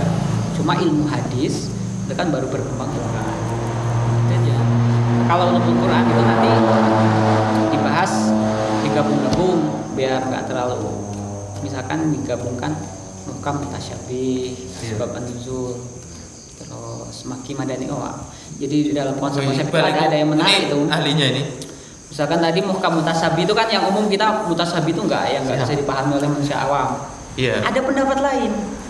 Pendapatnya Sahrur lagi. iya Bahwa mutasyabi itu adalah ayat-ayat yang mengandung suatu perintah yang bersifat berat yang tidak sesuai dengan jalan naluri manusia. Contohnya ada sholat puasa. Uang kan sholat kan abot toh, poso kan abot toh. Harus membutuhkan eh, effort, force, ya kan? Uang bangun subuh kan berat gitu. Sedekah. Tapi kalau yang muhkam itu bro. yang sejalan dengan naluri kemanusiaan, sholat cinta damai, amal soleh. Uang rahat dikongkon wis seneng kan ngono toh. menentang wis damai ya Menuntut ya damai gitu. Jadi Tapi besok temanya ini aja keilmuan apa, Islam iya, tapi diambil apa misalkan? metode proses lebih ke situ mas ya? Karena eh, subjudulnya itu loh metode yang digunakan dalam Mas menyusun, Mas Wahyu dalam ilmu Islam. sejarah Yakub. Menjadi Oh, lilit lilit Ya kok makjud. Yakub Makdud. Yehuda Iya, ya enggak nek kuwi dhisik wae ulumul Quran. Tapi karo dikai eh, sembilan-sembilan sih. Kayak Maki Madani itu wis enggak wis enggak sufisien, wis enggak cukup. Gur dibedake ayat Makkiyah Madaniyah. Ada yang lebih canggih lagi bahwa ayat Mekah itu sudah terbagi menjadi tiga kategori, Mekah awal, Mekah tengah, Mekah akhir. Nabi kan jelasnya lain balik meneh toh. Nah, itu. loh. Jadi kita tuh hanya mensimplifikasi Mekah itu Kronos Santo. Tapi periodiknya nggak di ini ya Hmm, padahal ada. Mekah awal, Mekah tengah, Mekah akhir. Itu aja membahas bagian-bagian ulum Quran. Kalau enggak bahas hadis kalau misalkan ada yang histori metode dan proses itu ya. Keilmuan Islam. Cukup ya? Perkembangan diri aku ya? perkembangan. perkembangannya aku besok masuk jam 7 wah mantap sekali. sejarah antar es. Aku masuk sejarah perkembangan. oh iya siap imam. Sejarah tradisi sang imam. Sejarah penikmat sholat subuh. Ini sholat subuh sangat Iya, suka kamu jangan seperti itu. Sejarah tradisi. Balik. Sejarah tradisi dan perkembangan ya ilmu Islam. Ah, malaikat dalam Islam. Bang Wahyu tak nggak jelasin itu aja pak. Agama semitik masalah itu oh sampai mana-mana tadi nanti. Mungkin nggak ada, kalau LC gitu kan? LC ini apa ono ini? Ya kayak Ini versi sempit soalnya pak. LD ketiga. kayak LC bebas. Oh, mengutarakan traveling nih pak. Orang mau karo lah mau tak jadi Apa ini? Coba di ditradisikan ya. Aku kemarin memang tak coba itu begitu tema. Nah itu bawahnya tak kasih PDF mas. Jebul sing motor teko. apa Ya oke. Nah itu begitu. Makanya itu neng grup tak kurang-kurangi. Daripada grup itu memberatkan bagi dia. Ya toh, buka iya. itu begitu. Apa ya toh? Gendah gue kabutan grup iki. Biar awakmu plong. Itu begitu sih. Kamu itu sebagai co-founder Masa semuanya lah hilang. pasti anu tafsir ayat-ayat kesejahteraan Wih guru-guru Islam. ini nambah ikan nih nganu ki lho. Lah ini kan anu ayat kesejahteraan sosial. Iya. Tafsir ayat kesejahteraan sosial tuh apa? ya? Coba besok anu ya, sana waktu dijak apa ya? Jadi tuh. Nggak nek kowe lah manduk-manduk ramangkat tapi. Ini berarti. mana-mana Manduk-manduk ning ramangkat. Oke, Dia tentukan wae sesuk membahas. Oh terus. keilmuan Islam. Jalan. Apa? Ya judul, judul besar keilmuan Islam, Islam, terus nanti sejarah tradisi dan perkembangan. Apa ya? sejarah tradisi dan Perkembangan. perkembangan Saya kudu ngomong sih. Eh, eh, aku sesuk ngangsu sih Lah ya wes terus sapa sing sih. dadi pemantik Nah? Wahgo. Buka sisan. Mas Wahyu Ya apa pemantik? Semuanya. Bareng agama semitik. Atau yang apa? Mas Wahyu agama semitik kan Berdasarkan expertise sih nggak apa sih? apa Berdasarkan keahlian bacaan masing-masing. berdasarkan aku dodolan marketing teknik Oh, no couple planner. Plannernya belum berkopel ini cocok jadi menteri Perkopelan. Couple friend Dikumpul ini nggak ditutup dulu Oh iya. tutup dulu kan kita tutup ini cukup sangat berkah ini Masya Allah.